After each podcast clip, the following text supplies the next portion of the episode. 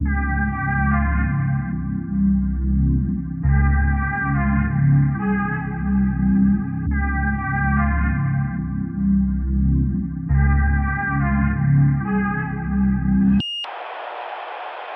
hur, hur, hur, hur väl känner ni två varandra, Chang och Jimmy? Jag ska berätta första gången jag träffade Jimmy. Ja, Det här kommer bli jättepinsamt för dig men eh, ja okej. Ja. be- behöver du betablockera eller något så har jag. Om du känner att... Eh, nej men jag, var, jag eh, åkte till Helsingborg med en polare. Vi skulle supa till det och så hamnade jag med någon jävla punkare och sen hamnade jag vidare med någon annan. Och det var så på fyllan. Man liksom gick från fest till fest och sen man ingen aning. Sen hamnade jag på Drottninghög i en lokal. Där SDU, då var han precis nyvald ordförande till SDU. Jag vet inte om du kommer ihåg att det var en lokal där i Helsingborg. Dalhem ja. Da, ja så hette det nog ja. ja. Jo, då, det. När var det? Där fan var det. 20 år sedan måste det vara. Ja, 22. det var... eh, 00. Ja, jag tror det var år 2000. Och jag tror jag var 16. Och så när man får, får bli, komma in där så måste man betala 10 kronor för att bli medlem i SDU. Men då fick man också en öl, så det var egentligen öl man betalade för medlemskapet för det var på köpet. Det var ju en ganska slug metod. Så fick man ju skriva sitt namn och adress och sådär då. Ja, så kom man in där. Och då var det min gamla klasskompis som jag gått i grundskolan med, hans stora syra satt där i soffan och blev jätteförvånad. Vi kände ju varandra och vi stod och snackade lite. Och då noterade jag faktiskt att det fanns två gäng av människor där. Ena gänget som jag kallar ölpatrioter, de satt med hängslebyxor, totalt asociala, lyssnade på Ultima Thule och drack folköl och Dr. Martens kängor. Jag försökte prata med dem men de blev nästan chockade, de var väldigt för sig själva. Sen har du det andra gänget då, och där var där Jimmy hängde. De var mer sociala, gick och pratade, var rätt trevliga, de var rätt kul att hänga med dem liksom. Det var en sån här skiktning. Och det där ölpatriotgänget, det var, ju, det var ganska kort därefter de bröt sig ut och blev Nationaldemokraterna tror jag. Ja, jag, jag tror du förenklar det här väldigt faktiskt. Ja, du tar Men det. Så, tar du din version Ja, men det, jag var, det var så jag uppfattade och såg det i alla fall. Det var min bild. Sen kan jag, jag var ju Finns det någon sanning? Är det, är det, är det helt och hållet osant det chanser? För många Nej, gånger så tror jag men- att han hittar på grejer. Nej men han, vi har olika minnesbild tror jag. Ja, men han, alltså att det var, att det var eh, uppdelat så stämmer nog. Ja. Ja, det var men så. det där ja. var nog, alltså de där som du, de här ölpatrioterna, det var nog människor som vi egentligen inte ville ha där. Så kan det mycket väl vara. För att det var, Eh. väl, det var som olja och vatten när man gick in där. Det var e- ett gäng där som var för sig och ett annat gäng som Vi var... hängde i baren liksom. Och Eh. sen hängde de andra. Eh, Ja, de, men de, Bredvid. de satt liksom... Jag märkte att det var väldigt tydlig skillnad. Det kommer jag ihåg. Och de, de jag tyckte synd om, det var ju de där, för de var liksom som töntarna. Det var ingen som ville vara med dem. Och, så jag, och jag försökte prata med dem, men det gick ju knappt. Eh, sen kommer jag ihåg att jag stod utanför och då sa han att han skulle in i riksdagen. Och då ser jag den här lönnfeta liksom, glasögonkillen. Bara vad är det för fel? Han verkade ju vettig fram till nyligen. Och så står han där, vadå, tror du på riktigt att du ska in i riksdagen? Tänkte jag liksom. Och jag var, ja men du vet jag, jag är med i MUF och sådär, det var jag ju då ju. Han bara, nej men eh, vi ska in i riksdagen, vi kommer bli det nya, det här bla bla bla. Jag bara, men se det omkring för helvete, get real. Så där var jag lite, så tänkte, men det var, ja lite. Men hur vem, vem känns det att du har haft rätt? Pinsamt för tyckte du? Var det för mig eller för dig? det Nej var men pinsamt är bara så här. Ja men var tre så här ung Jimmy står där och bara, ja, men jag ska in, vi ska in i riksdagen säger han helt gravallvarligt. Och jag bara, ser du inte vad det är för människor runt dig? Ska, ska ni komma in i riksdagen?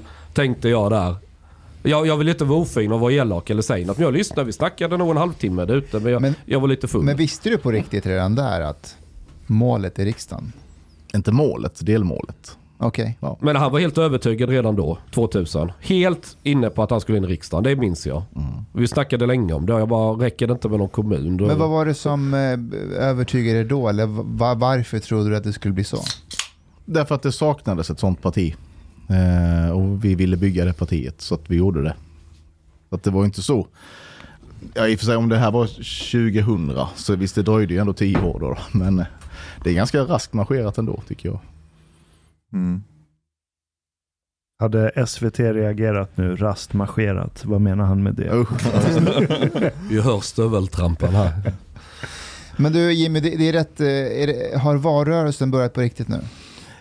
Den har nog det, fast det är en konstig valrörelse. För att det känns fortfarande som att vi är i ett sånt ständigt uppstartsskede. Och det var ju lite efter pandemin och det där gjorde ju att man kunde inte planera någonting. Eh, och sen drogs ju restriktionerna och så gick det två veckor och sen kom kriget i Ukraina. Eh, och det la ju också liksom sordin på allting. Eh, så att alla fick planera om igen. Men nu känns det som att det börjar liksom bli valrörelse och det de stora mediehusen kör sina grejer nu och sådär. Så att eh, ja, lite känsla av valrörelse är det. Men än- ändå inte som det brukar vara. Hur, hur går ni in i den eh, den här gången? Kommer ni göra något annorlunda? Har ni någon ny take? Nej men det är väldigt annorlunda upplagt allting. Eftersom allting är försenat eh, så är det annorlunda på det sättet att det är väldigt styrt av de stora mediehusen den här gången. Vad man kan göra. Jag brukar ju traditionellt sett vara ute och resa. Först hela våren. Eh, I princip inte hemma någonting. Eh, och sen då sista sex veckorna innan valdagen. Det går inte den här gången utan nu är det liksom, tittar man i min kalender så är det i alla fall varannan dag är ju uppbokat på någonting med de stora mediehusen. Så, eh, så det går liksom inte att ligga ute på det sättet som jag har gjort tidigare. M- måste man vara med på alla grejer i mediehuset? Ja, vi har diskuterat det och, och kommit fram till att det måste man nog. För att alla andra är med och det är alla kvällstidningar, eller båda kvällstidningarna har sina partiledardebatter. TV4 har partiledardebatt, SR har partiledardebatt, Sveriges Television har partiledardebatt och sen har alla de här dessutom då livesända utfrågningar och så. Så det blir ju, räknar man fyra veckors valrörelse så är ju åtminstone två veckor av det redan Men uppbokat. När det gäller att delta i alla evenemang så är det ju Järvaveckan som går stapeln eh, den här veckan. Mm. Men där har ju ni valt att ställa, att inte vara med. Ja. Jag har valt att inte vara med. Berätta. Varför? Eh, nej men jag, jag känner någonstans att det, det är ju som jag beskrev här nu, det är massa olika evenemang eh, man blir inbjuden till. Eh, och jag tackar ja till det som jag bedömer att jag har någonting utav och som jag bedömer är seriöst och, och som jag kan delta i. Jag har varit med på Järvaveckan några gånger och har inte varit jätteimponerad ärligt talat av det. För att, för att det, det känns ärligt talat som att man flyttar liksom etablissemanget från Stockholms innerstad till Järva för några dagar. Eh, och det finns liksom ingen annan substans i det. Eh, då har jag bara talat från scen. Eh, men det är inte så att jag har fått någon kontakt med lokalbefolkningen direkt när jag har varit där. Utan man- står där och pratar ungefär som jag gör på alla andra ställen. Jag drar en reflektion? Jag var och lyssnade på dig för några år sedan och eh, jag satt ju bland publiken, jag jobbade då. Och då kommer jag ihåg en intressant diskussion som uppstod bland en eh, somalisk mamma och eh, eh, hennes dotter. Mamman var ju helt lyrisk av det du hade sagt. Mm. Och sa Jimmy, mycket bra, honom ska jag rösta på. Och sen dottern bara, men mamma han är ju rasist. Och någonstans där tänker jag ändå att när du är där, när ni är där så har ni, eran politik verkar som, det är många som tycker och tänker som er. Och där har du en enorm möjlighet att kunna påverka lokalbefolkningen i vårt område. I den mån man når lokalbefolkningen. Jag har, det finns, jag har också sett sådana enstaka exempel där man har liksom sen mötts av så. Eh. Men min bild har ändå varit att större delen av den publiken är inte lokalbefolkning. Utan det är människor som är ditresta från ja, antingen medier eller andra partier eller sådär. Eh. Men nu var det inte därför jag tackade nej, Nej. egentligen. Utan nu var det ju då för att jag bedömde helt enkelt inte att det blev ett tillräckligt seriöst evenemang. eh, För att Kakan Hermansson ska vara där. Eh, Och vad är problemet med Ja, henne? problemet med henne är ju dels att hon hatar SD eh, väldigt uttryckligen. Och dels hatar hon polisen. Och jag tänker att det här... Hatade polisen. Ja just det, ja. ja jo, så kan man se det.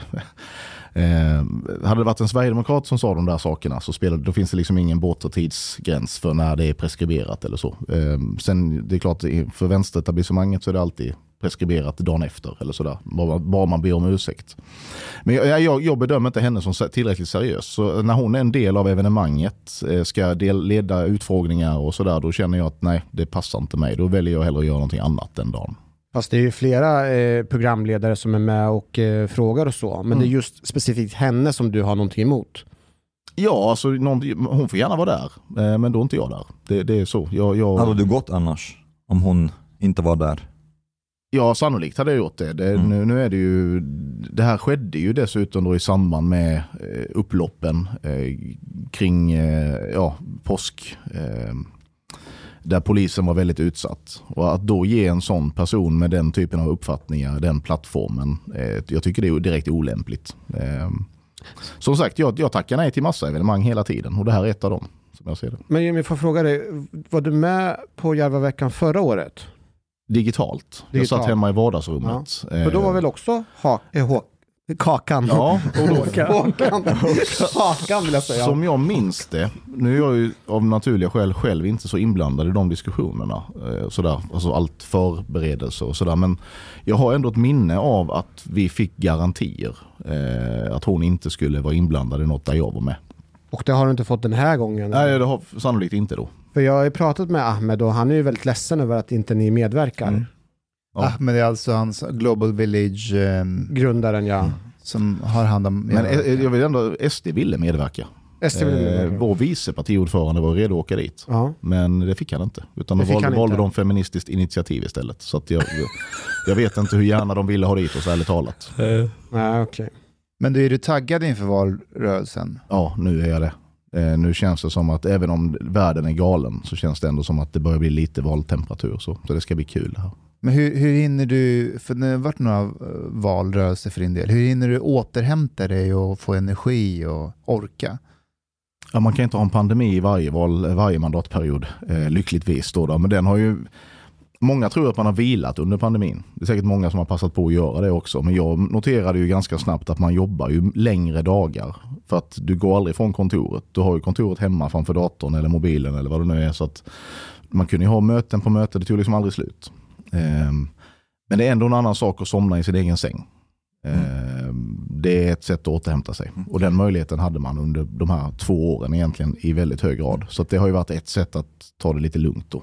Mm. Även om man har jobbat mycket. Du sa att eh, för 20 år sedan du visste att ett parti som SD behövs i riksdagen. Eh, men hur har SD förändrats genom åren? Det var 20 år sedan. Det är inte samma parti idag, eller? Nej, Det är inte samma parti är det ju inte. Eh, Dels så är vi ju mycket större idag. Man kan väl säga att det parti vi är idag, det började så smått där. Det- här som Chang var inne på med, med många av dem som idag är liksom den yttersta partiledningen var ju också där. Eh, Jag kan tänka mig att Björn Söder var där, Mattias Karlsson var säkert där. Eh, om inte den gången så vid andra tillfällen Ja. i alla fall. Eh, och det, det är ju det här töntgänget då som Chang refererar till som sen liksom var med och tog partiet in i riksdagen. Ehm, Så i den meningen så började det väl där någonstans då för 20 år sedan när jag blev ordförande för ungdomsförbundet och så. Men det är klart att partiet har ju växt enormt sedan dess också. Eh, Vi har ju idag 35 000 medlemmar drygt, eh, tusentals kommunpolitiker runt om i landet. Det är klart att det går inte, den här liksom det här spetsiga lilla partiet som vi var då är vi ju inte längre utan idag är vi ett ganska brett parti med massa olika liksom, åsikter och, och eh, intressen som ryms under samma paraply. Är det en styrka eller kan det vara en svaghet ibland? Det är en styrka, eh, men det är en utmaning. Eh, eh, det, är en styrka i den meningen att... problem var det rätta ordet. Ja, men jag, jag, jag vill inte se det som ett problem faktiskt. Men, men det är klart att, att är du ett väldigt litet parti, ligger kring 4% som de flesta partierna i Sverige är, då hittar man frågor och sticker ut och så får man massa uppmärksamhet på det och så kan man öka någon procentenhet hit eller dit och sådär. Ehm, och så var ju vi också ganska länge.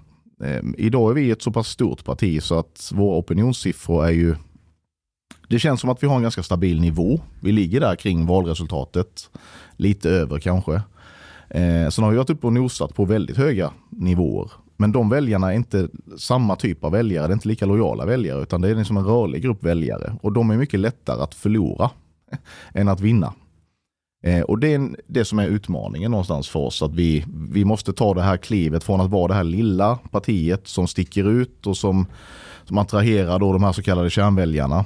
Eh, till att bli det här stora partiet som vill vara med och ta ansvar för landet. Och, och det är inte självklart att man klarar den övergången. Jag tycker att vi har klarat det hyfsat. Eh, Där, där menar jag på att den här eran eh, potentiella väljargrupp finns ju i förorten. Som i grund och botten tycker och tänker som Sverigedemokraterna, som är i grunden kon- konservativa. Jag har gjort samma analys. Eh, att vi borde vara större där än vad vi är. Eh, och varför vi inte är det kan jag inte svara på. Jag vet inte till exempel hur pass Vem kan svara på den Ja, men frågan? sånt som klanröstning till exempel spelar in. Jag tror att det har en viss betydelse. Till exempel att man, man, man eh, röstar så som communityt röstar. Så att säga. Man röstar inte efter eget huvud alla gånger. Det kan vara en förklaring till det. Gör ni valmaterial på andra språk? Eller går det emot er? Vi gör Princip. valmaterial på andra språk eh, än svenska. Det gör, Ni gör det? vi. Somaliska? Ja, För Mustafa har ju letat efter eh, översättare som kan översätta hans bok till somaliska. Har ni hittat någon översättare som kan? Eh, De vägrade översätta Mustafas bok sen efter de hade läst den. ja, jo, det är risk för att det blir så. så nej, men jag, jag vet inte hur pass... Alltså, så här, jag tycker att valinformation i Sverige, det har man på svenska. Punkt slut. Och kan du inte tillgodogöra dig det, då ska du heller inte rösta i valet. För då, ja, vill man vara fullt ut liksom, deltagande i det svenska demokratiska samhället. Men är det inte lite opragmatiskt dock? Vad sa du? Är det inte lite opragmatiskt? Ja, men jag menar att det är ett sätt att... De kan rösta. Ni förlorar ju väljare. Ni Ni förlorar Mm. potentiella väljare. Ja, ja, men jag skulle fullfölja resonemanget bara. Okej, så, okej, så, att, eh, så att det är min grundinställning. Jag tycker inte att Valmyndigheten ska skicka ut material på liksom alla tänkbara språk så, för det, det är fel. Liksom. För att det, ska du rösta i Sverige då är det minsta kravet tycker jag att du kan liksom tillgodogöra dig hur man röstar på svenska. Så. Eh, sen är det klart att partier behöver ju nå väljare. Eh, och vi har haft enstaka budskap åtminstone på olika språk. Vi hade en valaffisch för, ja det kan nog vara, så här, valet 2002, kanske 2006. Ehm, eh, som vi försökte i alla fall översätta till ett antal språk. Jag tror den blev översatt till urdu och eh, arabiska. Eh, och det var ungefär så här. Eh, eh, flykting, eh, dina landsmän vill att du kommer hem och hjälper till att bygga upp ditt land. Eh, och vi vill bidra till att det blir lättare för dig att göra det. Ungefär så. Det är ett ganska provokativt budskap förvisso, men, ändå. Varför just urdu? Ja, men det var, jag, jag tror vi hade samma problem som du, där med att hitta översättare. Att det fick Ni bli tog de språk, språk som ni fick det tag var de språk vi fick på. men jag liksom. tänkte, du var, du var ju i Turkiet med och kampanjade. Var det väl på turkiska eller arabiska? Nej, det var på engelska. Jaha, på engelska. Fast det, det där är en myt, eh, att vi var där och delade ut flygblad. Det var ju T- TV4 tror jag, eller det var någon medie som ville att vi skulle dela ut flygblad. För att det hade vi gjort tidigare. Eh, och det fanns ett flygblad. Så det finns ett filmklipp på där en i min stab delar ut ett flygblad till en person. Jag tror det var det enda flygblad som delades ut där faktiskt. Jag var Vem där hade att- gjort de här flygbladen? Ja, det var ju från vår kommunikationsavdelning. Och vad var de, syftet hade de följt med av en tillfällighet? Ja, men nej, men så, Turkiet? så, så, det här var egentligen två olika spår. För det var inte meningen att jag skulle åka dit. Egentligen. Nej, okej. Meningen var att vår kommunikationsavdelning skulle åka dit tillsammans med delar av ungdomsförbundet. Eh, och göra samma sak som man hade gjort i Grekland tidigare. Men, men sen sa jag, men jag vill åka dit. Jag vill träffa människor. Eh, och, och jag vill eh, ja, se vad det är för folk som är på väg till Europa nu. Liksom. Sådär. Så ja, men okej, då gör vi det. Så det blir väldigt spontant. Så där man kan säga att det var två olika event i ett. Eh, där jag inte åkte ner för att dela ut flygblad och jag gjorde inte det heller. Men, men det blev så eftersom ja, eh, det var den bilden man, som förmedlades. Utan jag var där genuint för att jag var intresserad. Sen, har, sen dess har du inte varit mer i Turkiet va? Jag fick ju någon sån här inreseförbud. Tror jag. Det är lite Mhm. oklart. Så. Men eh, de ville ju att jag skulle, jag har fyra timmar inspelning från det här eh, när jag blev omhändertagen där av någon uniformerad person på flygplatsen. Där. Eh, så, men jag har inte bett någon översätta exakt vad som sades. För de pratar ju väldigt mycket turkiska när, jag, när de inte pratar med mig. Så att säga. Men det jag tror att jag fick var att de ville att jag skulle skriva på något papper med ett inreseförbud hävdade de. Och det stod ju på turkiska då. Så jag sa nej, jag skriver inte på någonting. jag litar inte på er liksom. Eh, så då nöjde de sig med att om jag bekräftar, de säger till mig på engelska att nu har du inreseförbud i en kamera då. Så fick jag titta in i kameran och säga jag har förstått på engelska. Eh, så jag tror jag har inreseförbud i alla fall. När du satt där, vilka mer är med dig? Är Säpo med dig? Nej, jag var helt själv då. För att grejen var så här att vi, jag skulle till Köpenhamn och resten av staben skulle till Stockholm. Jag ville hem. Eh, Och då flyger jag till Köpenhamn för det är närmare helt enkelt. Eh, Och de tog något flyg som gick en liten stund före mitt. Så att, eh, Och lämnade dig helt själv? ja, men jag sa att det var helt okej. för jag tänkte att eh, nu är vi klara. Liksom. Så, ja, What could possibly go wrong? det kommer nog inte att hända igen. Om man säger så. Men, men nej, jag upplevde inte att det skulle vara något problem. Men det var det ju uppenbarligen. Men jag funderar, nu eh, har vi en liten situation med Turkiet här eh, Mm. med NATO-ansökan och Tänk allt. att jag ska åka ner och förhandla. Eller? Ja men du har ju inreseförbud så vi får skicka någon annan. Ja. Men eh, Amineh Kakabaveh skulle vi kunna skicka ner. det hade varit en... Men de vill väl ha henne utlämnad va? Så det Ja det vill de ganska för sig, så då går man ju dem till mötes. Mm. Men jag tänker, det var ju en debatt häromdagen eh, mellan, jag har glömt namnet, men en av ledarskribenterna på Expressen och en på Svenska Dagbladet. Lena Andersson Ja, ja. och Anna. Dahlberg. Ja, så var det. Det var igår kväll. Och, och Lena Andersson menar att vi borde dra tillbaka vår NATO-ansökan därför att det, det börjar bli pinsamt och genant. Vi ska vi krypa för Turkiet för att vara med? Nej, jag tycker inte att vi ska krypa för Turkiet utan jag tycker att nu är det här en fråga för NATO. Eh, NATO får lösa det här. Men om de säger att ja, Turkiet står i vägen, ni får ta Mm. det med dem. Men, men eh, jag tror inte att det är Sverige eller Amineh Kakabaveh eller Sveriges förhållande till eh, kurdiska olika organisationer i Syrien eller Turkiet som är problemet egentligen. Utan problemet är nog mer av, stor, av mer storpolitisk karaktär i grunden. Det vill säga att Turkiet vill ha saker av Amerika. Ja. Och då använder man oss nu som en bricka i det spelet. Skulle man inte kunna sätta förnedra Erdogan lite? Ja, men då drar vi tillbaka ansökan. Det är uppen- vi kan ju inte vara med här. Ja, det går ju inte för Erdogan. Då kommer han ju få skit utav helvete. Jag tror att vi ska försöka göra så lite cirkus som möjligt ärligt talat av det här. Utan jag, jag, jag har alltid varit för svensk alliansfrihet. Men det har förändrats och nu tror jag att NATO kan ge oss de säkerhetsgarantier vi behöver. Eh, och nu har vi ansökt om NATO-medlemskap. Eh, och nu ska NATO-länderna, 30 stycken, bekräfta den ansökan. Eh, ett land, eller möjligen två, har ställt sig på, ställt sig på tvären. Eh, då får NATO lösa det internt. Och det, jag tycker vi ska inte lägga oss i den Men processen. ni, ni är ju Putin-vänner. Hur kan du vara för NATO? Ja, vi är ju inte det. Det är det som är Får jag eh, eh, n- ställa en fråga? Just den här NATO-frågan. Eh, Ni har ju varit motståndare till det och som du sa velat ha en alliansfrihet. När de här sakerna händer nu med kriget i Ukraina så, och ni bestämmer er för att amen, vi vill nog vara med i NATO trots allt.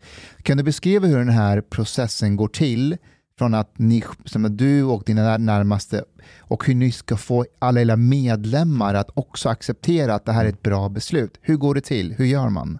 Det har ju funnits en debatt i vårt parti alltid. Eh, våra väljare har ju varit övervägande NATO-positiva, åtminstone de senaste valen. Eh, Eh, men det, det som har hänt är ju att i mitten på december, eller strax före jul någonstans, så kommer ju det här utpressningsbrevet från Kreml. Eh, där man då tar upp Sverige bland annat och menar att Sverige är, tillhör liksom ryska intressesfären. Eh, NATO får inte utvidgas mer och länder som inte får gå med i NATO, förutom då Ukraina och de här andra länderna i den delen av, av Europa, så att säga, det är ju Sverige och Finland. Någonstans där börjar jag fundera. Så om nu Kreml säger att vi inte får gå med i NATO, eh, Eh, det är nästan skäl att göra det. Eh, sen reflekterar man lite, men någonstans där börjar jag reflektera kring att, att eh, nu kommer det hända saker här. Eh, sen är det klart att sen får ju vi information från olika håll. Och det var väl egentligen när vi började få information från våra finska vänner om hur utvecklingen i Finland gick som jag började vända. Därför att jag har alltid sagt det att, att Sverige ska göra som Finland och Finland kommer att göra som Sverige. Men det kan inte vara så att ett av våra länder går med i NATO. Utan vi måste göra det tillsammans. Annars så blir det en väldigt utsatt situation. Och Finland verkar ha bestämt sig redan någonstans kring årsskiftet. Eh, I och med president Niinistö heter han väl va? Han höll ju sitt nyårstal där. Där han tycker jag var väldigt tydlig med att Finland vill gå i den här riktningen. Eh, och Sverige hakade inte på där. Men då hade jag ett samtal med, med vår utrikespolitiska talesperson och sa att jag tycker att vi måste ta en, en, en förnyad diskussion kring NATO. Och han höll med och gjorde samma analys. Eh, och sen tog vi det i vårt verkställande utskott och sen hade vi lyckligtvis då en, en eh, valkonferens. Som egentligen är samma sak som vår stämma, kongress, eller samma folk. Så vi samlade alla våra medlemsombud eh, bara någon vecka senare. Så vi kunde få med det där då och vi fick ju, fick ju ett mandat att eh, ändra uppfattning om Finland går med. Vad sa Joakim Larsson? Jag vet faktiskt inte, jag tror inte han var där. Nej, är jag- det? är en av de äldsta rävarna i partiet får man väl säga. Ja, det får man nog säga att han är. Han har nog varit med lite längre än vad jag har varit. Ja, han har varit med längre än Jimmy. Och han, eh, han är nog inte så glad på NATO tror jag inte. Men- Men förutom Ah, ah. NATO, ja, Men förutom om jag, NATO jag bara stannar vid Mm, NATO. mm. Jag, jag tänker att okej, man- om du bestämmer er närmaste och partiet, men säg att ni skulle upptäcka att väljarna inte alls vill gå med på det. Vad gör man då?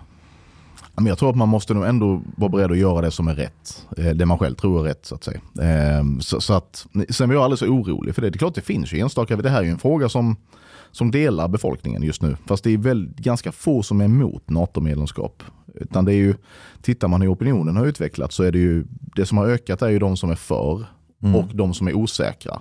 Det som verkligen har minskat är ju de som är helt emot ett NATO-medlemskap. Det är ju vad är det, knappt en femtedel eller så.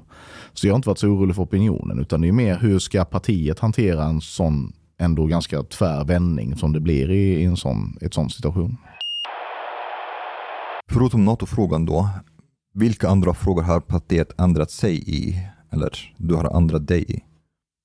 Ja, det beror på när, vi, när ska vi börja. Någonstans. 20 år sedan. Jag var med i ett annat sammanhang här eh, före jag kom hit. Eh, där det togs upp att ja, men förr i tiden var SD mycket bättre för att då var ni för dödsstraff och eh, sånt. Nu är vi tillbaka på Joakim Larsson. Här. Ja, nu är vi tillbaka på, ja det är mer än 20 år sedan. Alltså jag tror Sverigedemokraterna var nog för dödsstraff.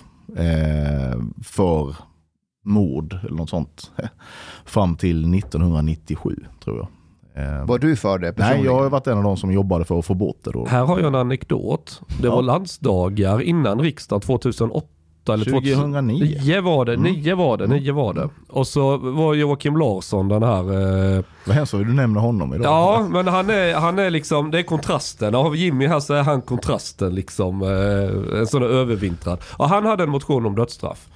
Och jag kommer ihåg för han hade sån här eh, kedja som hängde till plånboken. Och han såg lite rolig ut så där. tyckte han var en spännande figur. Lite så här. Och så var det sån här acklamation, alltså att man säger ja eller nej om man är för. Men då var det någon idiot längst fram som räckte upp handen och ville ha rösträkning. Trots att det var helt uppenbart att det var ingen som ville ha dödsstraff. Och det var ju Jimmy. Och det var, jag, jag fattade ju sen varför. Det var ju bara för att när det blir så här liksom 97-98% emot så ser ju journalisterna det också. Så det blir en poäng av det liksom att det här är inte en mainstream-åsikt. Ja, men det, det är ju ganska lätt för det där, det är ju helt rätt så. Mm. Eh, och han kapade ju. Det här var våra första landsdagar. Mm. Nu, ska vi, nu ska vi bli ett stort parti här. Eh, vi byter från att vi hade haft riksårsmöten varje år till att nu ska vi bli som de andra partierna och ha då mer sällan de här stora samlingarna. Och nu ska vi prata politik på riktigt och liksom sätta valplattformen här inför valet 2010. Och så kapar han alltihop genom att lägga den här motionen om att införa dödsstraff.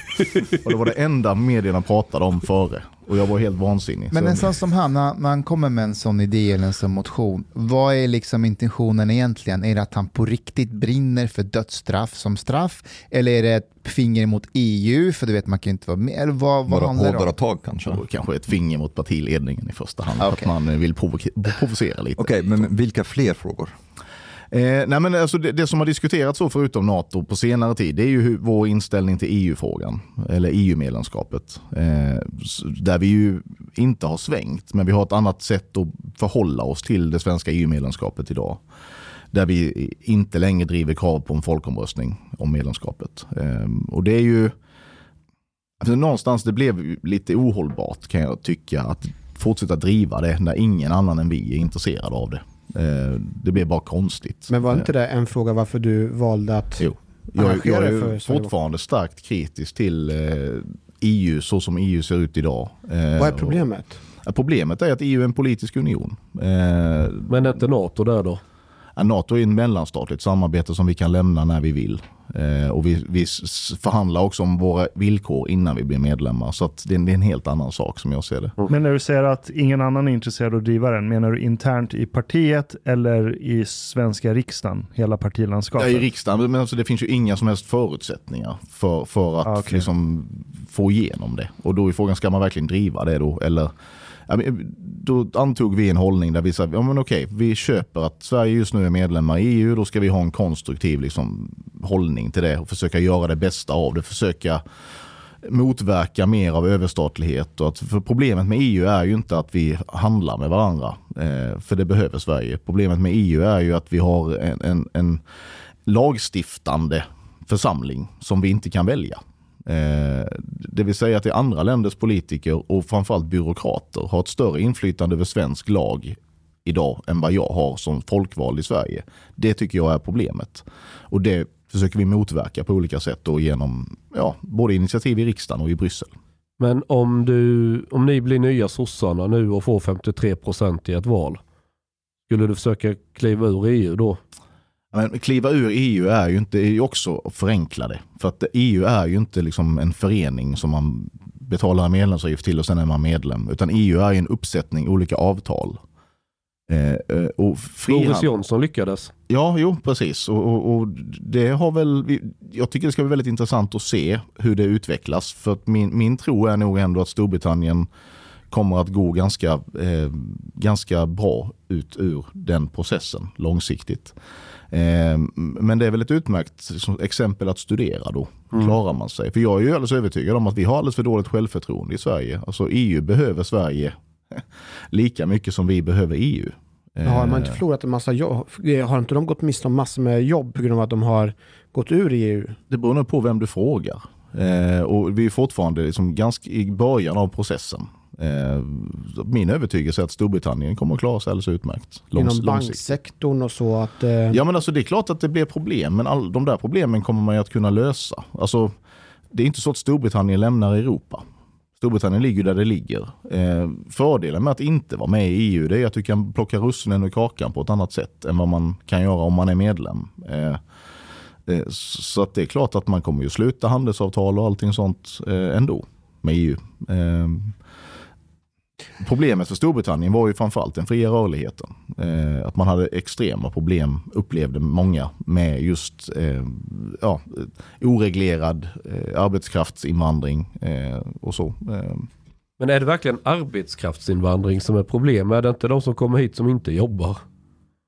Jo det, är, jo, det är klart att det är. Eh, Men, men det är två olika saker. Alltså, den eh, utstationerade arbetskraft som du har från EU har ju tyvärr då eh, inte kontrollerats på det sätt som den ska. Det vill säga att man, man det får en lönedumpande effekt, det får en utträngningseffekt och framförallt så såg man ju den utträngningseffekten i Storbritannien då som, som, som förargade många. Rätt eller fel, det kan man diskutera men det var ju det som var skälet till att så många var motståndare till medlemskapet. Det är för att det kom väldigt många, inte minst från Polen eh, och den delen av Europa och, och jobbade billigt helt enkelt. Och det förändrade balansen på arbetsmarknaden.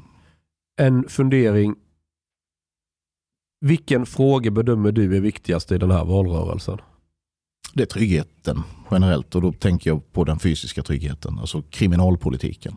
Det är helt avgörande just nu. Det är, Sverige har tappat kontrollen fullständigt. Så det, det, det överskuggar allt. Vad är era konkreta förslag på förbättringar? Ja, framförallt så handlar det om att, att debatten, eller konflikten står ju någonstans mellan hårdare tag eller inte. Ehm, och den har vi väl, tycker jag, och det är en av våra politiska framgångar eh, under de här åren vi har suttit i riksdagen. Vi har lyckats flytta debatten så att de stora partierna idag pratar ju mer som vi alltid har pratat. Det vill säga nu, nu är det slut med liksom det här lallandet och saft och bulle, utan nu är det hårda tag. Sen händer det för lite, tyvärr. Men när du säger hårdare tag, vad menar du exakt? Ja, fler poliser, eh, fler befogenheter, fler verktyg till polisen, eh, hårdare straff. Mm. Ja. Ja, framförallt hårdare straff. Sen, sen om de är längre eller vad, ja. Det, Finns det skillnader mellan er där och moderat, Moderaterna och KD? ja, det gör det ju eftersom nästan allt som både M och KD har lagt fram de senaste åren är ju sånt som man har hämtat från oss på olika sätt. Eh, så de är väl på väg att triangulera oss i de frågorna så att säga. Hur känns det? Ja, men på ett sätt är det väl bra. Alltså vi har ju kämpat för en förändring och den kan vi inte åstadkomma själv. Så att det är väl bara bra om andra tycker som vi. Men det får ju er att minska. Ni växer ju inte lika mycket då. Ja. Ja. Jag håller inte på med det här för att vi ska växa eller bli så stora som möjligt. Jag hade hellre jobbat med något helt annat än det här. Faktiskt. Vill inte alla politiker ha så mycket makt som Nej, möjligt? det är inte därför jag håller på med det här. Du hade hellre velat jobba med någonting annat? Ja, absolut. Jag hade, hade Låter jag... som tjuren Ferdinand lite grann. Ja, jo. Alltså, och där känner jag igen mig. Men, men vänta, om vi stannar med hårdare tag. Eh, du, eller ni har pratat senaste tiden om, om eh, utvisning av hela familjer. Mm. Om någon i familjen sysslar med grov brottslighet, eller hur? Mm. Eh, kan du utveckla lite? Det finns ju inget konkret förslag. Det vi har sagt är att det bör finnas liksom som en möjlighet. Om det är så att man man har eh, ett barn till exempel som är ute och kastar sten på polisen eller eldar upp polisbilar. Eh, eller har ett allmänt liksom, eh, asocial kriminell livsstil och man inte försöker ta ansvar för det på olika sätt. Då kommer det få konsekvenser. Och en sån konsekvens skulle kunna vara då att, att man helt enkelt får sitt uppehållstillstånd indraget. Men är det inte orättvist mot andra i familjen då? Som kanske är ja, förmodligen laglydiga och, och jobbar kanske. Och, Mm. Det är det ju såklart. Fast det är framförallt den som står för orättvisan då är ju den som utsätter resten av familjen för det. Det är ju inte det svenska Men, om den underliggande orsaken för de här asociala problemen eh, inte nödvändigtvis har med föräldrarnas uppfostran att göra.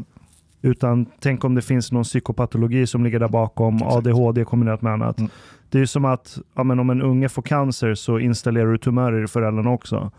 Nej, men jag, jag håller med. Alltså det, det är ju lite det jag försöker säga här. Att det, inte, det här ska ju inte vara någon så här självklar eh, effekt av att ditt barn begår brott. Men det måste finnas den möjligheten i de fall där man bedömer att det här är helt orimligt. Den här familjen eh, ska inte vara här för att de beter sig allmänt illa. Skulle man kunna formulera det som om att föräldrarna helt uppenbart inte vidtagit åtgärder för att förhindra kriminalitet så har de också ett, för du har ju ett ansvar idag som förälder mot vad dina, om du är 15-åring eldar ner en skola så kan föräldrarna bli betalningsskyldiga. Exempelvis. Ja, fast ty, tyvärr då bara begränsat idag. Det, det är ju den första åtgärden vi presenterar. Förlåt att jag avbryter dig nu Sjöng. Nej, bara Det var den första åtgärden vi presenterade eh, i det här programmet före den här med hela familjen och så vidare. Det är ju att, att eh, föräldrarna ska då få hela ansvaret. Det vill säga att staten ska inte täcka upp efter ett visst ja, det är ett prisbasbelopp eller två som man idag kan då bli skyldig att betala. Utan det är föräldrarnas ansvar helt och hållet. I-. Jag hade ett förslag på Twitter i den här frågan och det var att vi borde villkora bistånd till typ Syrien eller Somalia eller något med att vi kan utvisa människor dit, kriminella, och så får de, kan vi betala dem en slant för deras fina fängelsestandard. Och så det blir mycket billigare för Sverige ju. Ja, det blir det ju såklart. Men, men, nej, men alltså, det är ju det finns ju något som kallas för verkställighetshinder. Och det är ju det som sossarna framförallt hela tiden hänvisar till när man då, människor döms till utvisning men man utvisas inte. Eh, och, och ett sätt att komma runt det där det är ju att man använder biståndet till exempel för att länder ska ta emot sina egna medborgare. Så det har vi redan lagt förslag om. Men, men, men den här, det här förslaget med att utvisa hela familjen, det är inte ett förslag som ni driver nu? Ja, men det finns inget konkret förslag utan det vi har sagt är att vi, vi vill utreda den möjligheten eh, i de extrema fall där det, där det kan behövas. Eller där det kan vara liksom, jag, jag tror att det får en starkt avskräckande effekt.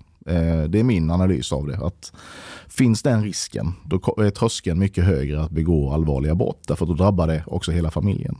Men, Men man måste ju titta på Ja. omständigheterna totalt sett. Ungefär som, som Jean beskriver det. Att man kan ju inte, det var ju något exempel i någon tv-debatt där de sa ja men eh, dottern i familjen är läkare och ska hon utvisas då för att hennes bror begår brott? Nej naturligtvis inte. Det är inte det vi säger.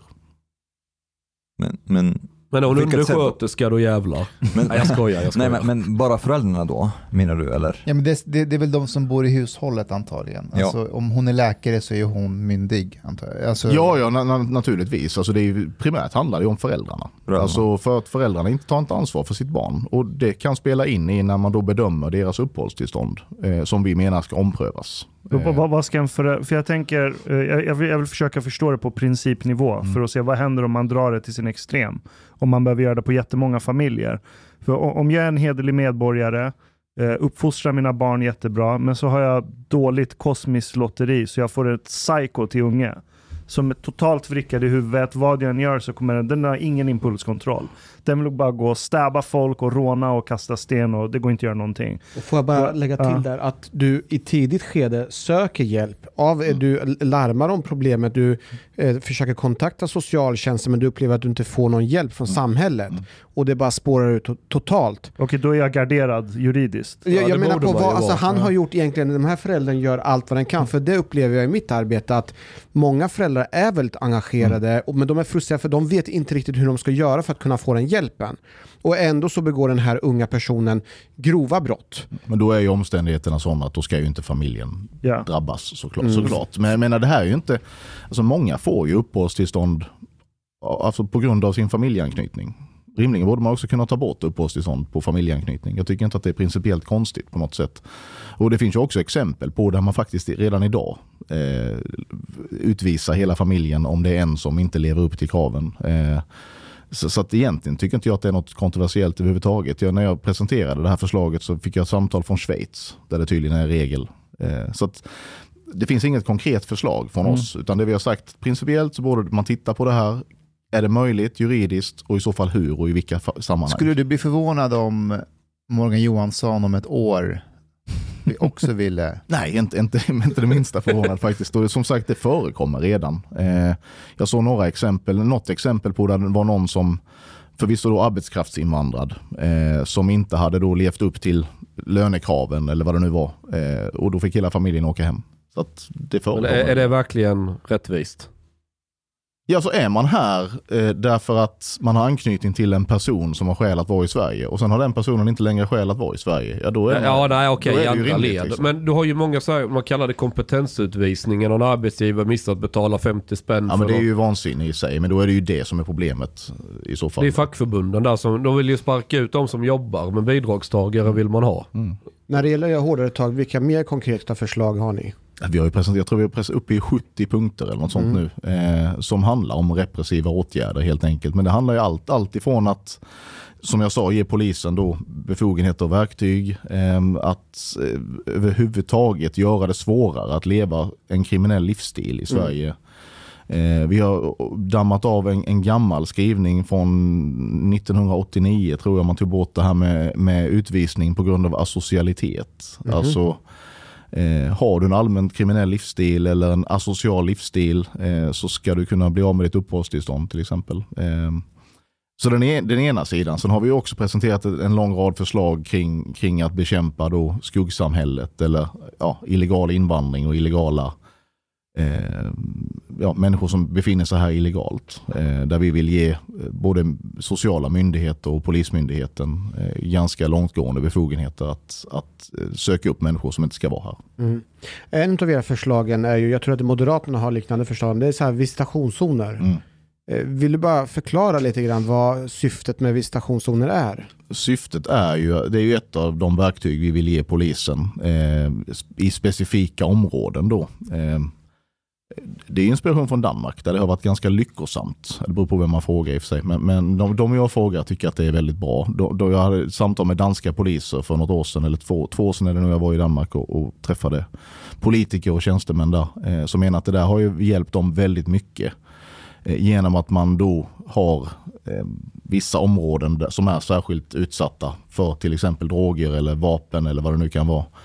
Eh, och där man då haft möjlighet att helt enkelt visitera dem. Eh, och det vet de om och därför så minskar den typen av brottslighet helt enkelt. Det, ja, Vi har ju, jag tänker så här att, eh, nu vet inte, nu har inte jag varit där och jag vet inte, men jag tänker att för våran del så har vi väldigt långtgående befogenheter att visitera.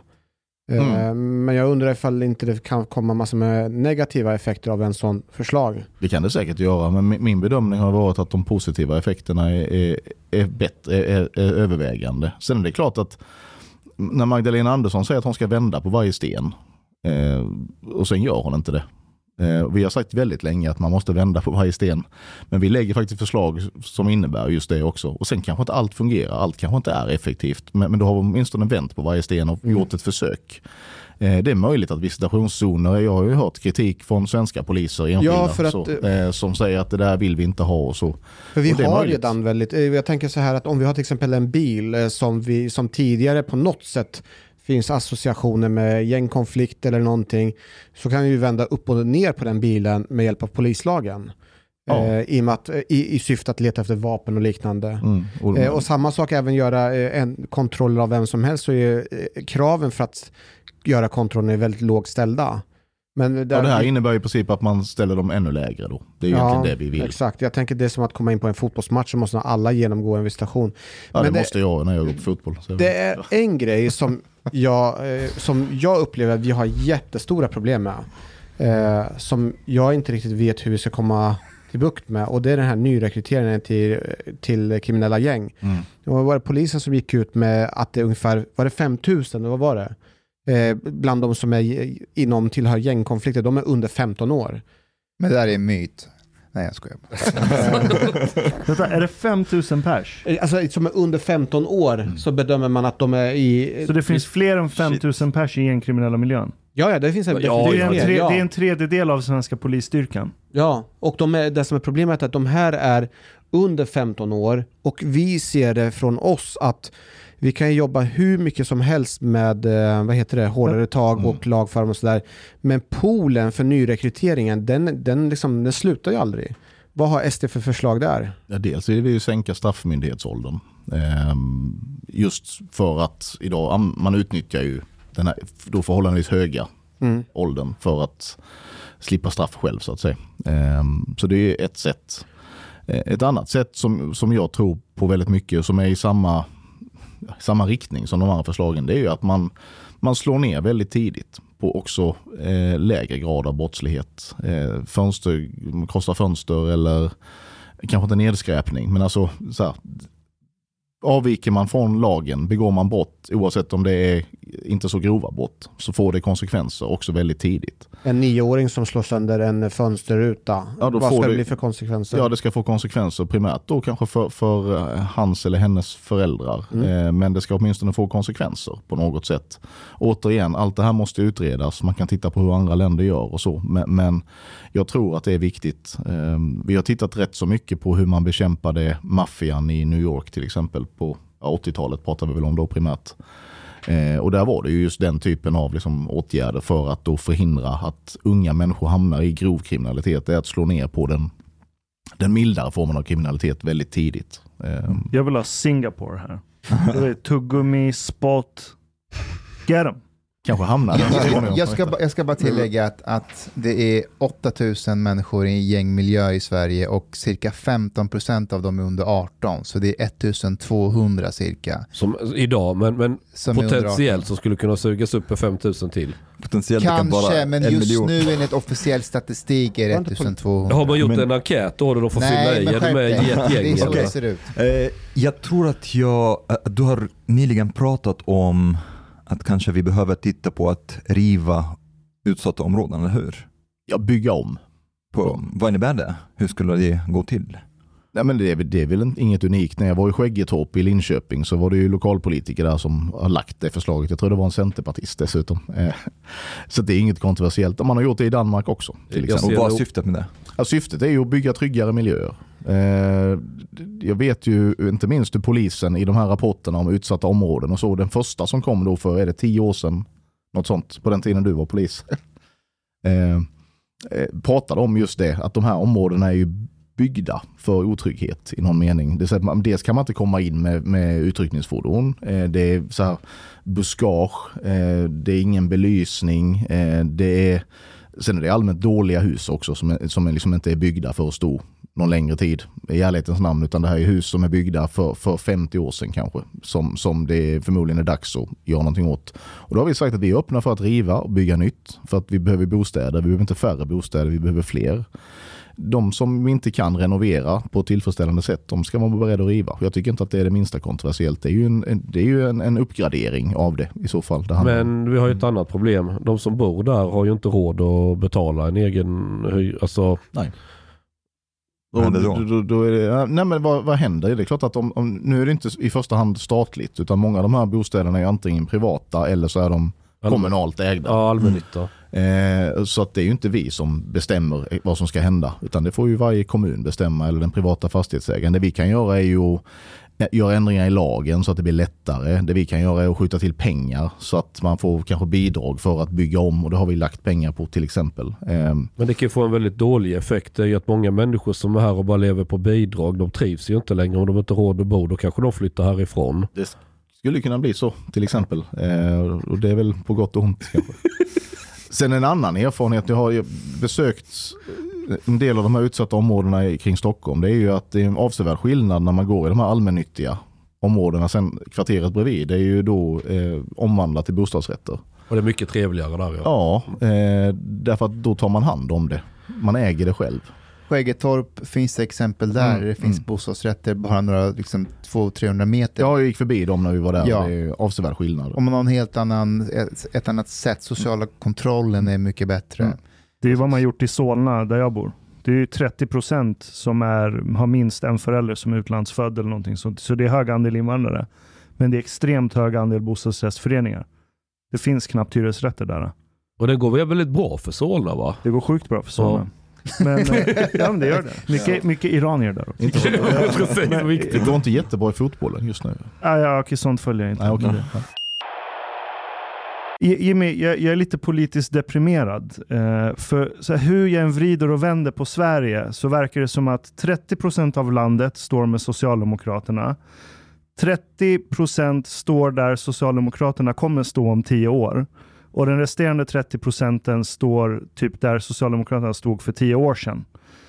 Eh, och det finns de som säger att Sverigedemokraterna är egentligen gamla Socialdemokraterna, fast kanske från 50-60 år sedan.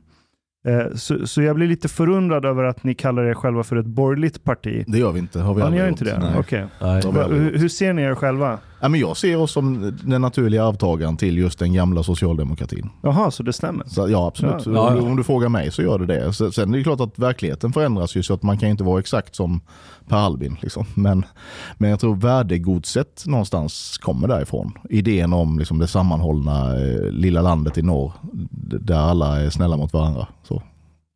Men tror du att vi kommer komma dit? Jag tror att man kan sträva i den riktningen och så blir det bättre än vad det är idag. Jag tror att Det tror jag. ni är det enda partiet som har, det står på er webbsida, eh, att ni har sammanhållningspolitik. Är, är det istället för integrationspolitik? Ja, det är det faktiskt. Okej. Alltså vi, vi, nu pratar vi ändå om integrationspolitik därför att det är det som folk ändå, liksom, ja, man förstår vad det är, precis som kriminalpolitik. Så det betyder inte att man vill ha kriminalitet, utan det betyder det är bara ett namn. Liksom. Eh, men- sammanhållning betyder inte nödvändigtvis att ni vill ha sammanhållning. Nej men vi hade faktiskt... Eh, nej, men vi, nej men vi lekte lite med orden där just för att förklara vad vi menar med integration. Eh, Så att sammanhållning, sammanhållning är ju liksom grunden till vår syn på integrationspolitiken. Kan säga. Kan du prata lite om er sammanhållningspolitik då? Ja, men det handlar ju väldigt hög grad om att Sverige är i grunden ett ganska homogent samhälle. Sen har det hänt någonting de senaste decennierna. Det har kommit hit väldigt massa människor från andra delar av världen med Ja, på gott och ont egentligen, men, men tyvärr väldigt mycket på ont. Eh, därför att man har då tagit med sig eh, sina gemenskaper, eh, sina kulturyttringar, eh, Värderingar? och ja, Mm. allt, Mm. värderingar, normer och religion och allt vad det nu kan vara för någonting. Ehm, och så har man byggt parallella samhällsstrukturer eh, vid sidan av majoritetssamhället. Så att när man pratar om utanförskap idag, så ja, ur, ur liksom ett majoritetssamhällesperspektiv så har vi ju stora utanförskapsområden. Men de människorna som bor där är inte säkra på att de upplever att de lever i ett utanförskap. Utan de lever ju i sitt eget parallella gemenskap så att säga i väldigt hög grad. Och det är det jag menar att man inte har förstått. Eh, man kan inte ha så stor invandring som Sverige har haft utan att det förändrar samhället i grunden. Eh, och så kan man tycka att den förändringen är bra, man kan tycka att den är dålig. Jag tycker att den har varit till det sämre. Det har hänt väldigt mycket dåligt på grund av den. Och därför så måste vi nu då börja, börja bygga liksom sammanhållning igen på riktigt och det måste vara majoritetskulturen, majoritetsbefolkningen som är liksom utgångspunkten för det. Det vill säga att man får jättegärna bo här om man kommer från ett annat land men då får man lära sig språket, man får respektera lagar, eh, man får eh, lära sig förstå hur svenskar och den svenska majoritetsbefolkningen fungerar och förhålla sig till det. Man kan inte förvänta sig att leva som man gjorde i sitt tidigare hemland. Eh, och kan man ställa den typen av krav på människor Men, men finns det några stunder ibland där du sitter och säger oh, men shit, kanske det är för sent? Jo, ja, varje dag. Såklart. Ja. Alltså vi kommer inte komma tillbaka till liksom bondesamhället. Eller så, det är inte önskvärt heller kanske. Utan det är klart att, att Sverige förändras eh, och det är naturligt. Alla samhällen förändras, alla kulturer förändras och utvecklas. Det som har hänt här är ju, det är ju en störning i den utvecklingen. Det vill säga att man har tvingat på majoritetsbefolkningen en massa saker som majoritetsbefolkningen aldrig har bett om. Och så har det blivit det här liksom, ja, polariserade polariserande samhället, splittrade samhället.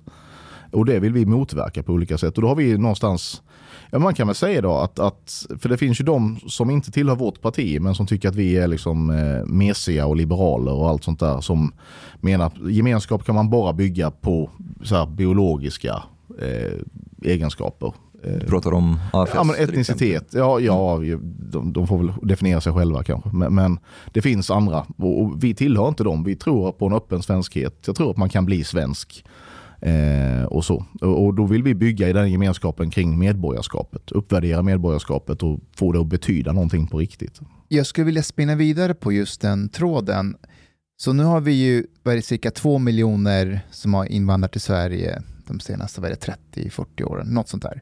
Om vi leker med tanken att invandringen till Sverige hade varit lite, lika hög, men att majoriteten av de här invandrarna hade varit Hanif Azizis, Ashkan Fardost, Omar Makram, sådana som jag, som kommer hit, arbetar. Inte, inte, du, du var bra att du uteslöt mig ju. Men du är ju för fan född här. Men det- Du är ju inte ens invandrare. Ja. Jag är från Skåne, räknas inte det? Okej. Eh, jobbar, betalar skatt, gör rätt för sig. Och viktigt, utmanar inte det svenska. Tvärtom anpassar man sig till det svenska. Hade du fortfarande tyckt att invandringen till Sverige hade varit för högt? Ja, men problemet är ju inte att de exemplen finns. Problemet är att motsatta exemplen alltid blir fler. Det är det som är problemet. Jag förstår, så men- att det är ju, det, ja, Det är ett tankeexperiment. teoretiskt sett. Det är ett Ja, men det- tankeexperiment. Tankeexperiment. Hade, hade invandringen varit för hög fortfarande? Eh, ja, men det är ett omöjligt teoretiskt ex- exempel, för det kommer aldrig att bli så. Det kan inte bli så. Men om vi leker Och- med tanken. Ja, men, nej, nej, så Varför, Jag vill inte varför, leka varför med den tanken. omöjligt? den är Därför att, orimlig. därför att när du och jag träffades i Sölvesborg 2017 så sa du något intressant som jag tänkte på. Eh, Du sa att du märker förändringen i Sverige ehm, när du till exempel tänker på fotbolls-VM 94, Mm. tänker på publiken och du tänker på publiken i fotboll nu. Och du vet, för mig är ju det, ja, den förändringen är ju biologisk, alltså hudfärg, hårfärg, det ser annorlunda ut liksom optiskt. Men man måste kunna leka med tanken att ja, men alla de bor i Sverige, de arbetar, de utmanar inte det svenska, de bara lever. Är det fortfarande för hög invandring då? Ja, men jag, jag, som sagt, jag kan, jag kan inte leka med den tanken, för det är en omöjlig tanke. Därför att man, man kommer, kommer det så många människor från samma kultursfär eller ja, vad det nu är för gemenskaper till Sverige så kommer man oundvikligen att söka sig till varandra och utmana det svenska och de som inte gör det blir undantagen. Och det kommer alltid att vara så. Okej, men det är, till exempel om det är selektiv invandring då och det finns en värderingstest innan de kommer till Sverige. Alla har bränt Koranen. så- som Ja, till. Ja, det. Eh, ja, men då blir det förmodligen mindre dåligt. Men jag tror fortfarande att man kommer få parallella samhällsstrukturer. Okej, som vad? Hur skulle de se ut då? De Ja, men var, var, var ska alla dessa två miljoner människor bo någonstans? Alltså, det, det, man Men bor de ju... kanske tar de svenska tjejerna och flyttar ut på landsbygden och blir getabonde och men nu, nu är jag, skaffar radhus Just och get, spelar. getbonde är väl kanske inte det mest svenska i och för sig. Som men jag, jag är lite vinklad här, men låt oss säga att det var två miljoner iranier som För vi, vi, vi, iranier, Iranierna i Sverige, de söker sig inte till varandra nödvändigtvis. Tvärtom, de hatar sig de gillar varandra. inte- dras ifrån varandra. De gillar inte islam. Majoriteten ogillar islam och politik, Och absolut. religion för den delen. Och religion för den delen. Mm. Eh, vitt så här, utspridda över hela landet, i alla fall bland storstäderna. Eh, vi sitter inte och har jättemånga sådana här kulturföreningar och håller på med sådana grejer. Alla iranier jag känner, de är väldigt mycket iranier. Men eh, det kanske är fördom, jag vet inte. Men. Ja, det är klart att det finns en sådär... Nej men så här, tar du hit Iran så får du Iran. Det, det är inte konstigare än så. Alltså, Fast iranier, hit iranier vill ju inte erkänna sig själva. men, men alltså, då tar du hit två miljoner iranier på ett bräde, då, då blir Sverige mer som Iran. Okej, okej, jag Så spelar det förstår. ingen roll vilka iranier det är, det är jag helt övertygad om. Tar du däremot hit en iranier om året, eller så, eh, då är det en helt annan sak. Då kan ju den personen assimileras eh, och sådär. Ja, jag tror att skillnaden, kanske Mustafa, du pratar kanske mer om anpassning på ett sätt.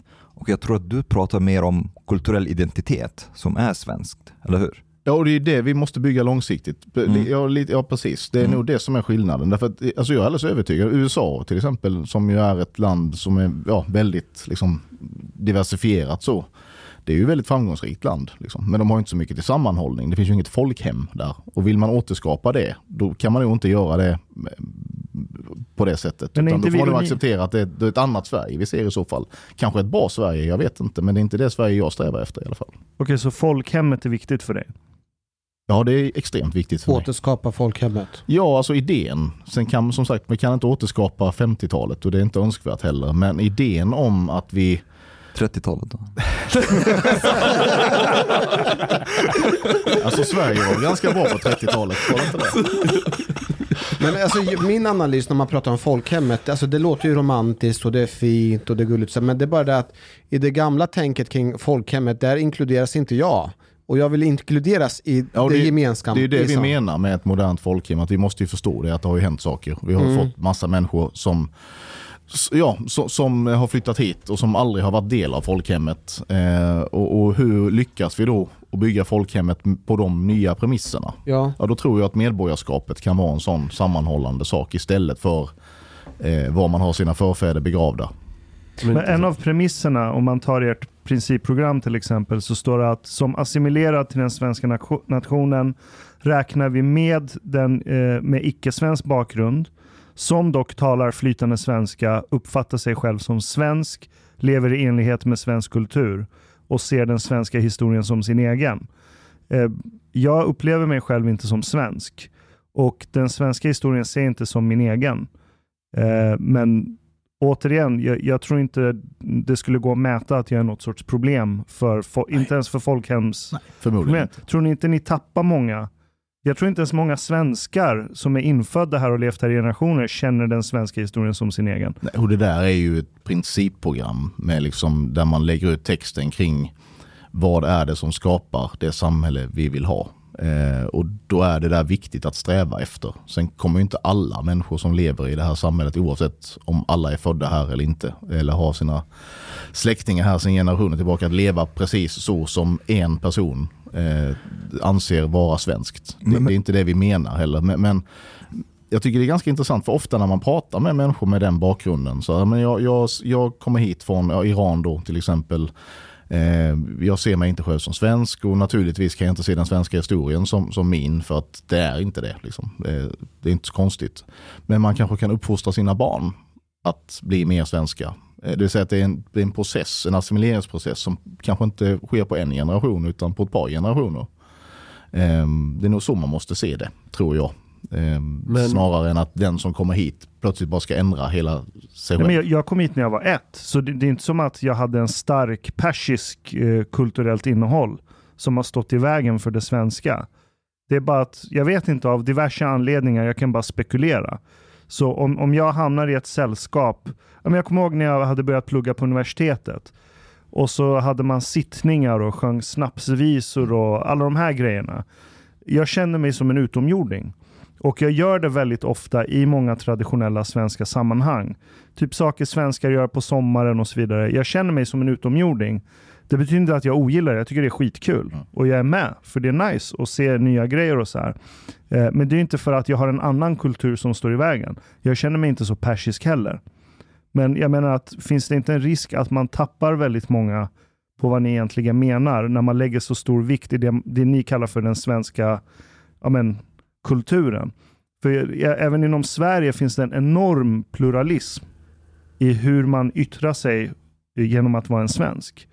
Bara åka från Skåne till Norrland, det är nästan som två olika länder skulle jag säga på många Det är sätt. två olika länder. Ja, det, det, Jag, jag, jag som snapphane identifierar mig ju inte alls med Sverige. Det är ju dödsfienden egentligen. Men Ashkan, Men- vad är det som är kontroversiellt med det här? Jag menar att om du själv inte identifierar dig som svensk, det är också det är förståeligt att andra svenskar kommer inte se på dig som svensk, eller hur? ja. Fast Mm. där kan jag säga att jag är är, tvärt, fine. fast Ja, jag, är är tvärt, okej. Ja, det är fine. jag, är, jag är tvärtom det. Jag identifierar mig som svensk, men ni identifierar inte mig som svensk. Men kanske- jag kanske menar på- gör, jag vet Jag inte. menar på att det är ju minst lika stort problem. För det, alltså grejen är så här, Du vad fan, men vad fan, alltså grejen är så här, jag har ju liksom, jag, jag Du menar på att försöker och försöker. jag försöker, jag, Inte fast ens jag blir, dina vänner. Nej, inte, mina, inte ens mina föräldrar. Och jag menar att grundproblemet är ju om man går tillbaka till den här att återskapa folkhemmet. För idén att skapa eh, folkhemmet har baserats på en gammal tid där, där det var väldigt ho- homogent. Och, och om vi ska gå tillbaka till det, då, då, då finns inte vi där. Alltså jag finns Men ju du, du om någon är väl första att stå i kön till Folkets park och... du vill ju alltid vara i, i mitten av smeten och inte sticka ut för mycket ju. Mm. Och, och det jag måste, tror du är, du är nog den mest svenska, du, du, du är nog mer svensk än svenskarna på det planet. Mm, Tack för komplimangen. och det måste Tack. jag ge er, att svensk sammanhållning, en berättelse om Sverige, det är ett vakuum där. Mm. Så där, det ska ni ha cred för, att ni har diagnostiserat det. Eh, och jag skulle säga att språket tror jag är 90% av den här blandningen av komponenter. Mm. Och resten är egentligen detaljer. För att så länge du snackar samma språk, jag menar om jag frågar dig, kän- kän, känns det för dig som att du sitter i ett svenskt rum just nu? Ja, Och det gör det? ja, ja absolut. Inte med mig kanske. Jag tycker du pratar jättebra svenska. Så det. Tippen Nej, men fick det- en komplimang om. Ja, Nej, men, men ja, det gör jag. Alltså, det, absolut. Men Eh, vad, vad, vad är det som definierar det? Jag vet inte, jag, jag tror inte att man jag kan Ja, definiera men det. eh, språket? Ja men det är väl, det, är precis som du säger, det är väl den, liksom, den, den, den nyckeln, Värderingar nycklarnas nyckel. också. Liksom. Är det ja. att vi inte bryter? Är det viktigt? Nej, jag tror det är typen av frågan Låt istället. honom Ja, men jag, jag tror faktiskt mer att det handlar om, om hela sammanhanget. Mm. Och, och liksom, eh, ja men som du säger, vad, vad pratar vi om? Hur pratar vi om det? Eh, kroppsspråk eh, och sådär. Sen vet jag ingenting om era värderingar. Ja, värdering. Till exempel om jag, jag, om jag pratade flytande svenska, men var en salafist exempel. Men eh, exakt, alltså det, det finns ju Skulle du en... se på mig som... Nej, förmodligen inte. Nej. Om, om, så, om du var salafist så hade du förmodligen inte sett ut som du gör nu. Här och nu Mm. Men han är modern salafist. Ja, ja. Nej, men det är det som är Han, någonstans han en viktig poäng.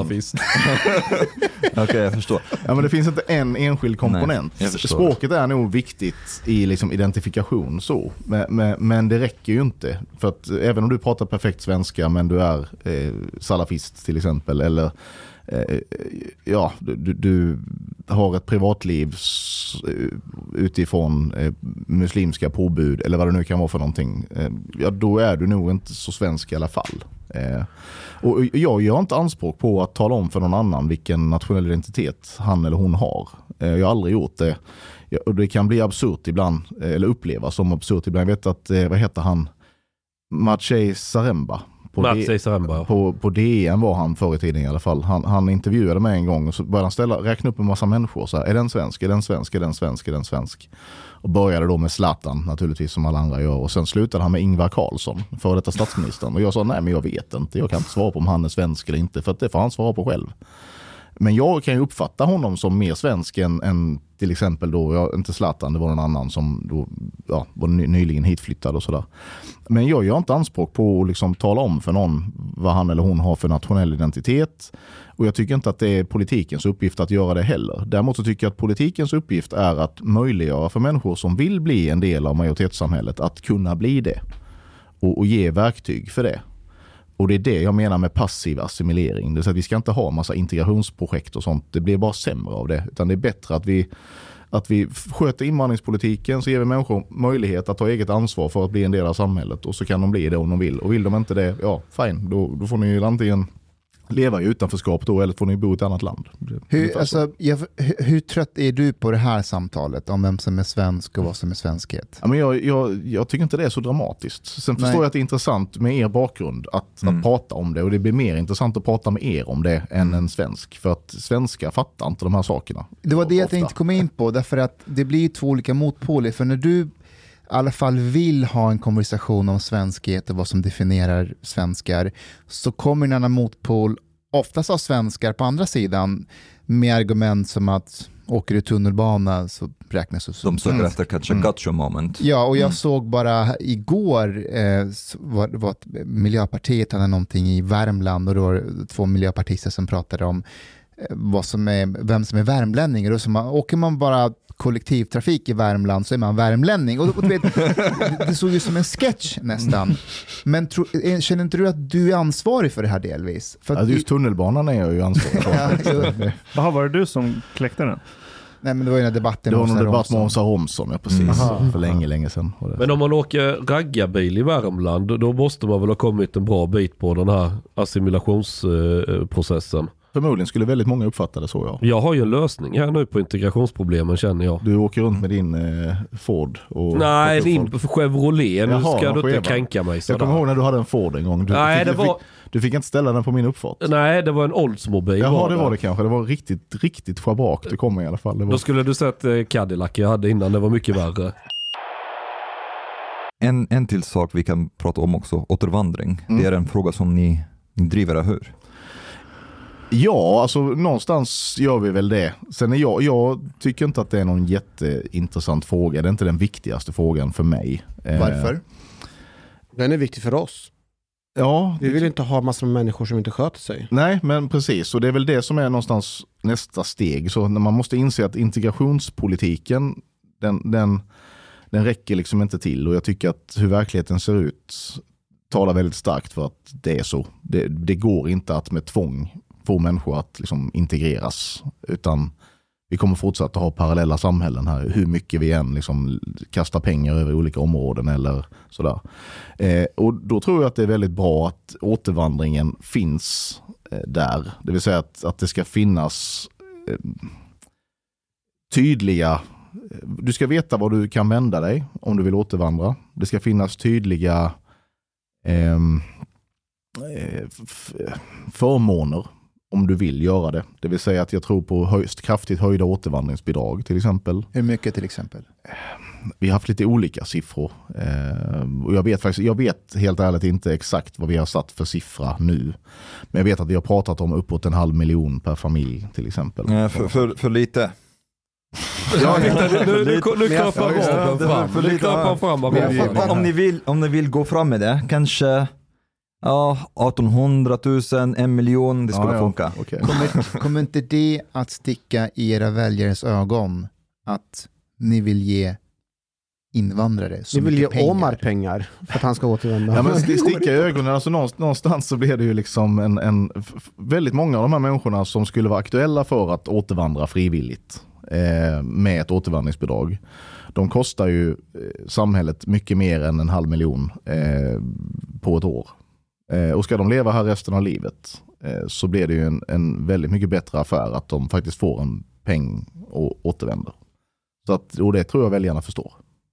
Men det här är ett ess i ärmen för dig, för att jag blir lite förvånad när du säger att det här är en fråga som inte intresserar dig så mycket, för när jag pratar med SD så är det som att det är vi som har det riktiga förslaget, återvandring, till skillnad från alla andra partier. Det finns de i mitt parti som brinner väldigt mycket för den frågan. Eh, jag är ju i första hand politiker. Eh, jag förstår ju hur, hur komplext det är eh, eh, att, att eh, hitta verktyg för eh, det. Men, men det finns många bra exempel på återvandringsprojekt som vi bör permanenta på olika sätt. Eh, Kan ni ge något exempel där det har fungerat i något ja, land? men det finns i, i något land. Eller ja, det, det, Nej men alltså Sverige har ju, vi har, det finns ju återvandring redan. Alltså vi har redan återvandringsbidrag och vi, Jo. det finns redan, och jag ty- tycker att till exempel att alla kommuner bör ha någon form av handläggare som jobbar också med den delen. Det vill säga inte bara ta hand om de som kommer utan också ta hand om de som vill återvända. Är, är återvandringsbidrag, är det bara till asylsökande eller, eller de som har permanent uppehållstillstånd också? Det är lite oklart. Ja, det- nej, det gäller nog även de med uppehållstillstånd. Alltså har du inte, är du inte svensk medborgare och du är här då som asylinvandrare men med uppehållstillstånd så har du och man kan möjlighet. inte du göra det så att det blir ett exempel på att det kan funka? Ja, men argumentet mot brukar alltid vara att ja, men det är ändå så lite pengar. Jag tror man kan, som familj kan man få 80 000 eller något sånt idag. Vi- Eh, och det är ganska lite pengar. Ja. Jag har ju annars ett förslag. Och det är ju att man slopar alla barnbidrag, bostadsbidrag, eh, alla bidrag, SOS-bidrag, precis allt, allt, allt, allt. För de som kommer hit kommer ju inte hit på grund av vädret. Vissa gör det. Va? Ja, Chang, Ja, det, då det, får det de skulle stanna. vara Då får de- jättefarligt. Har du hört om bread riots? Ja men det är bara, okej ni begår upplopp och sen har Ja. vi bara liksom, eh, vi har ju massa ukrainare nu, de är ju bra på att slåss. Så kan vi ge dem, eh, så, kan um, Hanni få ta ledigt några år och så tar vi riktiga poliser istället. Och så är det bara att ta dem, bunka ihop och bara köra ut dem. Det är nu Tack, du ska hej. kliva in Jimmy och säga nej det där är ingen bra idé. jag tänker att Chang får tala för sig själv. Nej men det Jag hade ju inte, han, varit... han är inte medlem hos oss längre. Eh, Nej det var många år sedan. Jag, jag var faktiskt med i Moderaterna i sju dagar innan jag blev utesluten. okej. Därefter.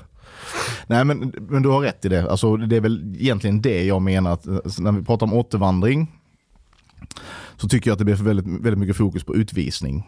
Eh, men det är inte det det är fråga om. Det är inte det som är återvandring. Att människor ska utvisas och faktiskt också i praktiken utvisas som inte ska vara här. Det tycker jag är självklart och det jobbar vi för. Men återvandring är en annan sak. Den bygger på frivillighet.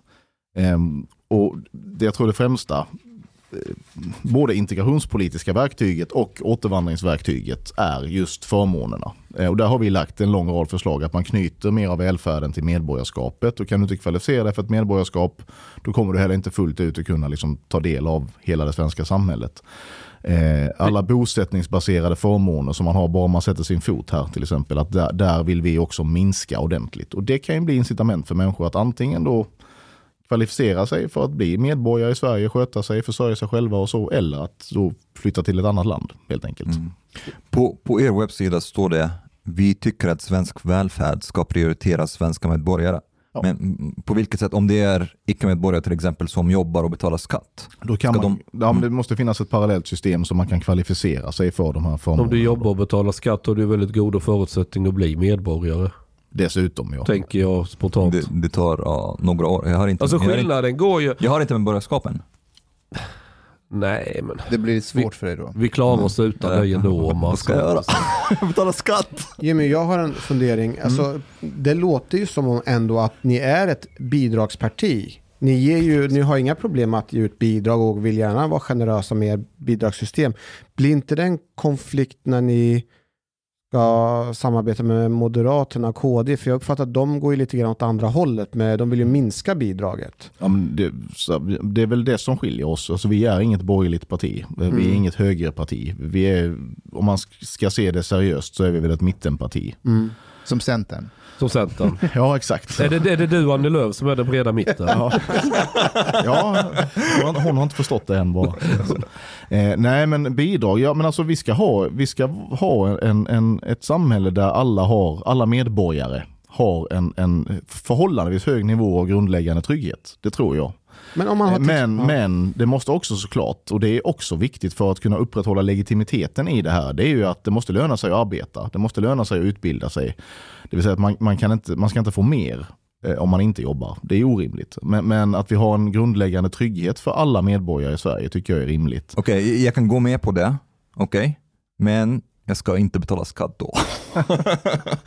jag vill inte ha välfärd, men, jag ska inte betala skatt. Men betalar man skatt så får man ju också del av välfärden, naturligtvis. Eh, och det är ju det som är, vi kommer behöva bygga nya system. Det är därför man inte kan införa det här liksom imorgon. Utan vi kommer behöva parallella försäkringssystem för icke-medborgare som ändå då har tillgång till, till välfärden, som det är i många andra länder. Jag tänker till exempel när man pratar om eh, barnbidrag eller till och med flerbarnstillägg.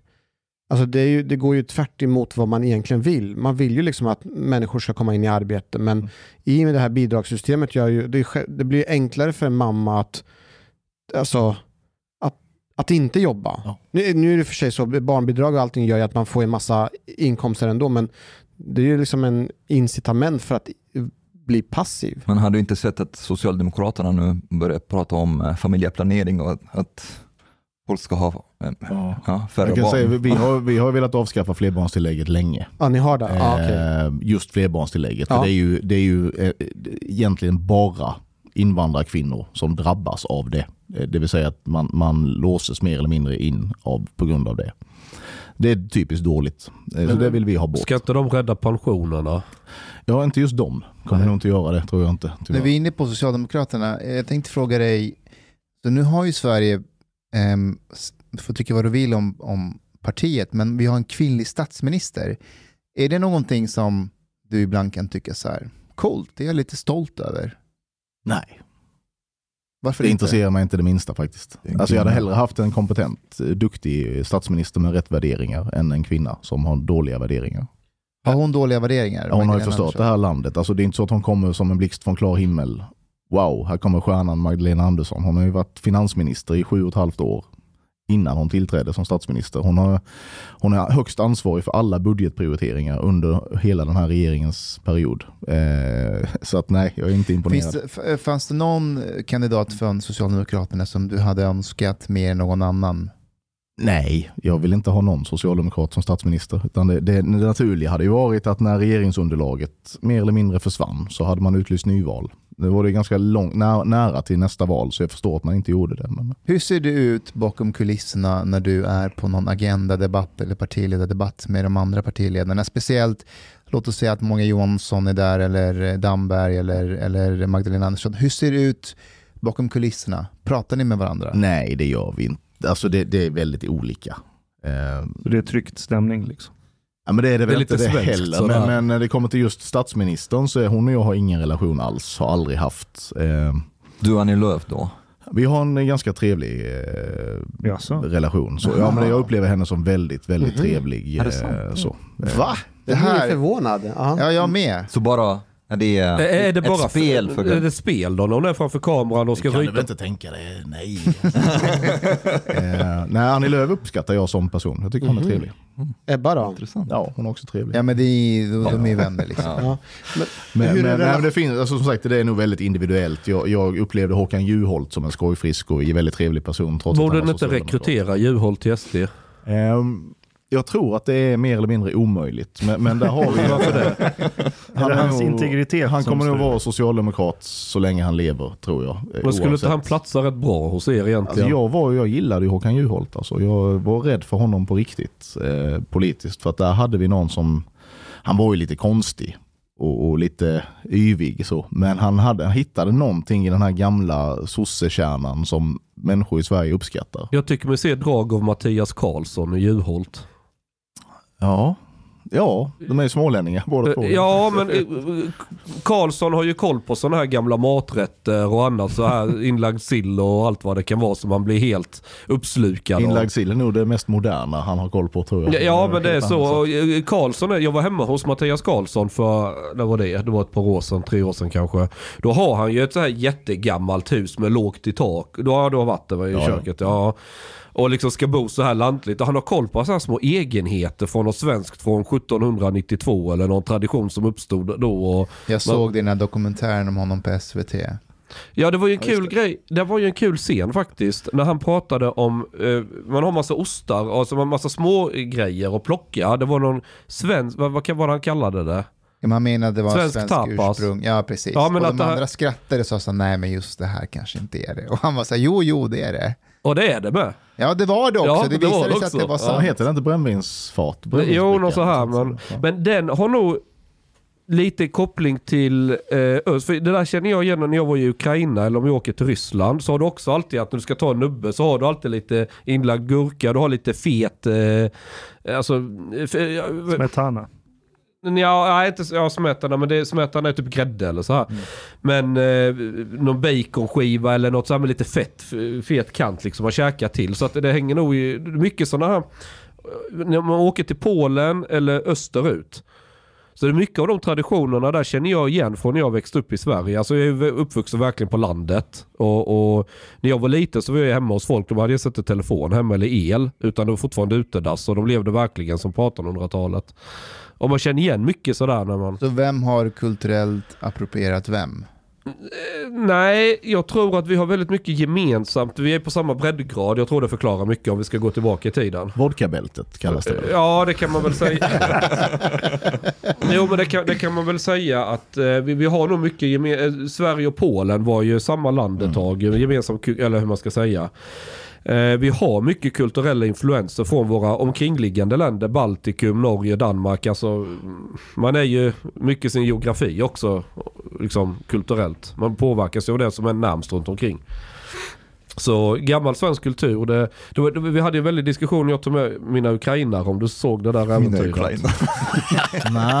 Nej. jag eh, jag åkte med den gode herr Roger Salström ner till gränsen mot Ukraina precis Jaha. efter kriget Ja, för att ta ja. bilder. Ja, ja.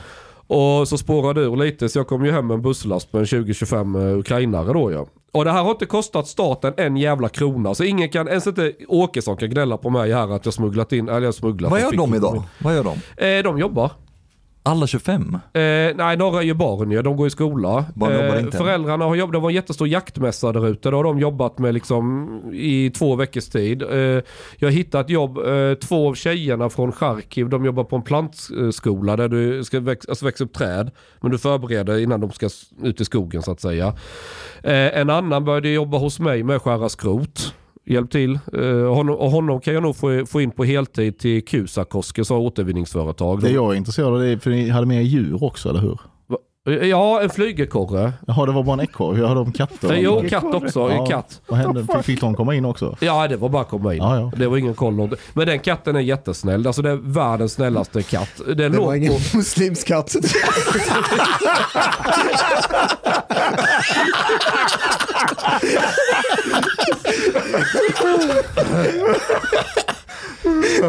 Jag skrattade inte, jag vill bara betona. Nej, det, det var vi som skrattade. Ni, ni pratar om folkhemmet, ja, men en sorts så här folkhem 2.0. Eh, går det att bygga ett folkhem som bärande parti i det här landet utan att ha ett finger med i varenda aspekt av invånarnas liv och hålla på att tämja och fixa lagen för att du ska kunna förbli ett bärande parti utan att någon ska kunna ta bort dig från tronen. Jag tänker på Socialdemokraterna. De har ju ett finger med överallt som ofta inte syns. Till exempel hur de reglerar spelmarknaden för att dra in pengar på sina A-lotter. Eh, hur de håller på med Folkbildningsrådet och alla föreningar som finns ute i landet. Hyresgästföreningen som de drar in jättemycket pengar från alla hyresrätter på och så vidare. Går det att bygga ett folkhem utan att bli ett parti som nästan beter sig som en så här, italiensk Berlusconi och är med överallt och håller på och donar och trixar?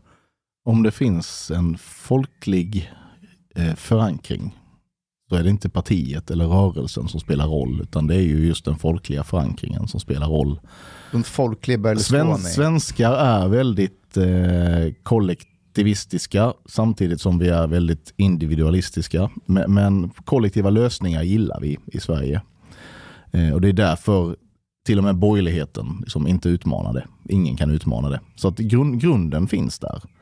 Det handlar bara om att få alla dessa människor som idag inte betraktar sig som en del av detta att faktiskt bli det i så hög grad som möjligt. Då tror jag att vi kan få tillbaka det där. Men, men om, om, ni fortsätter växa och alla som är med i LO liksom börjar överge Socialdemokraterna, flytta till Sverigedemokraterna, fackföreningarna, arbetarna, börjar liksom lämna S och gå till SD. Och så får ni 53 procent och får grunden för att lägga Folkhem 2.0 kommer ni ta bort alla de här systemen som Socialdemokraterna byggt upp som gör att de kan hålla på och pilla på massa hörn och dra in pengar utan att folk egentligen märker det? Eller kommer ni låta det vara kvar? För det är en väldigt bra plattform att använda. Spel, du nämnde spelmarknaden där och deras, deras särrättigheter som de har. Eh, det, det, har vi lagt förslag om redan att det bör man ta bort. Eh, och så. så det finns nog en hel del att göra. Men, men samtidigt så jag menar det, det, är ju, det där är ju byggt kring saker som föreningsfrihet och sådär. Och det är, mm, att de har varit framgångsrika och duktiga under lite drygt hundra års tid, det, är ju, det får man ändå ge dem.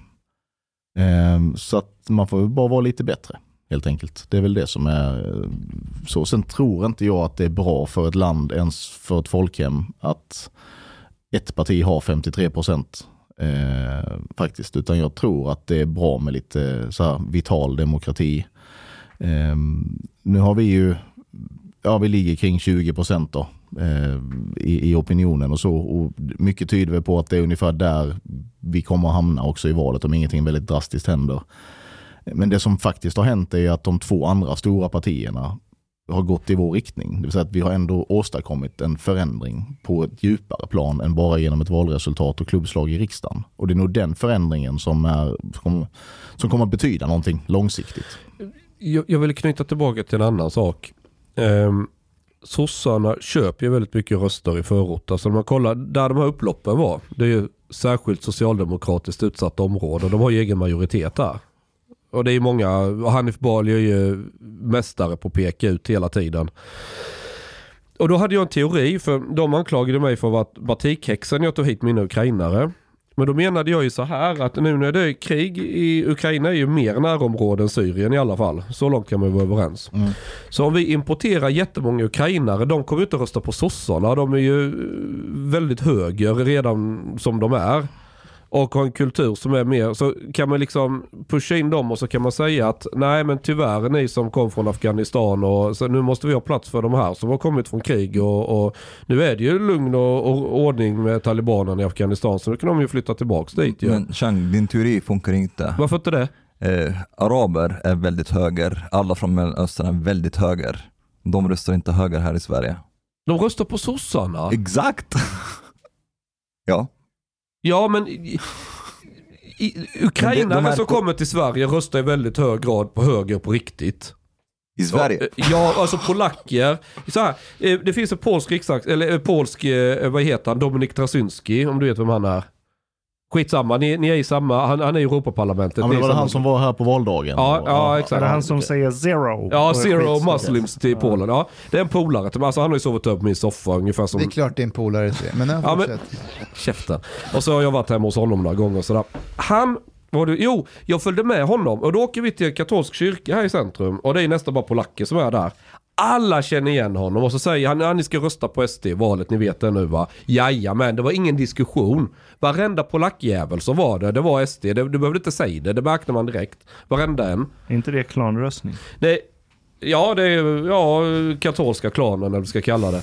Eh, sen, min sambo är ju från Ryssland. Ungarna de pratar ju ryska. och sådär. så på lördag eller söndagar så var vi på så här, eh, det var så här lite rysk skola och du vet lära sig språket, skriva på kyrilliska och så här ju.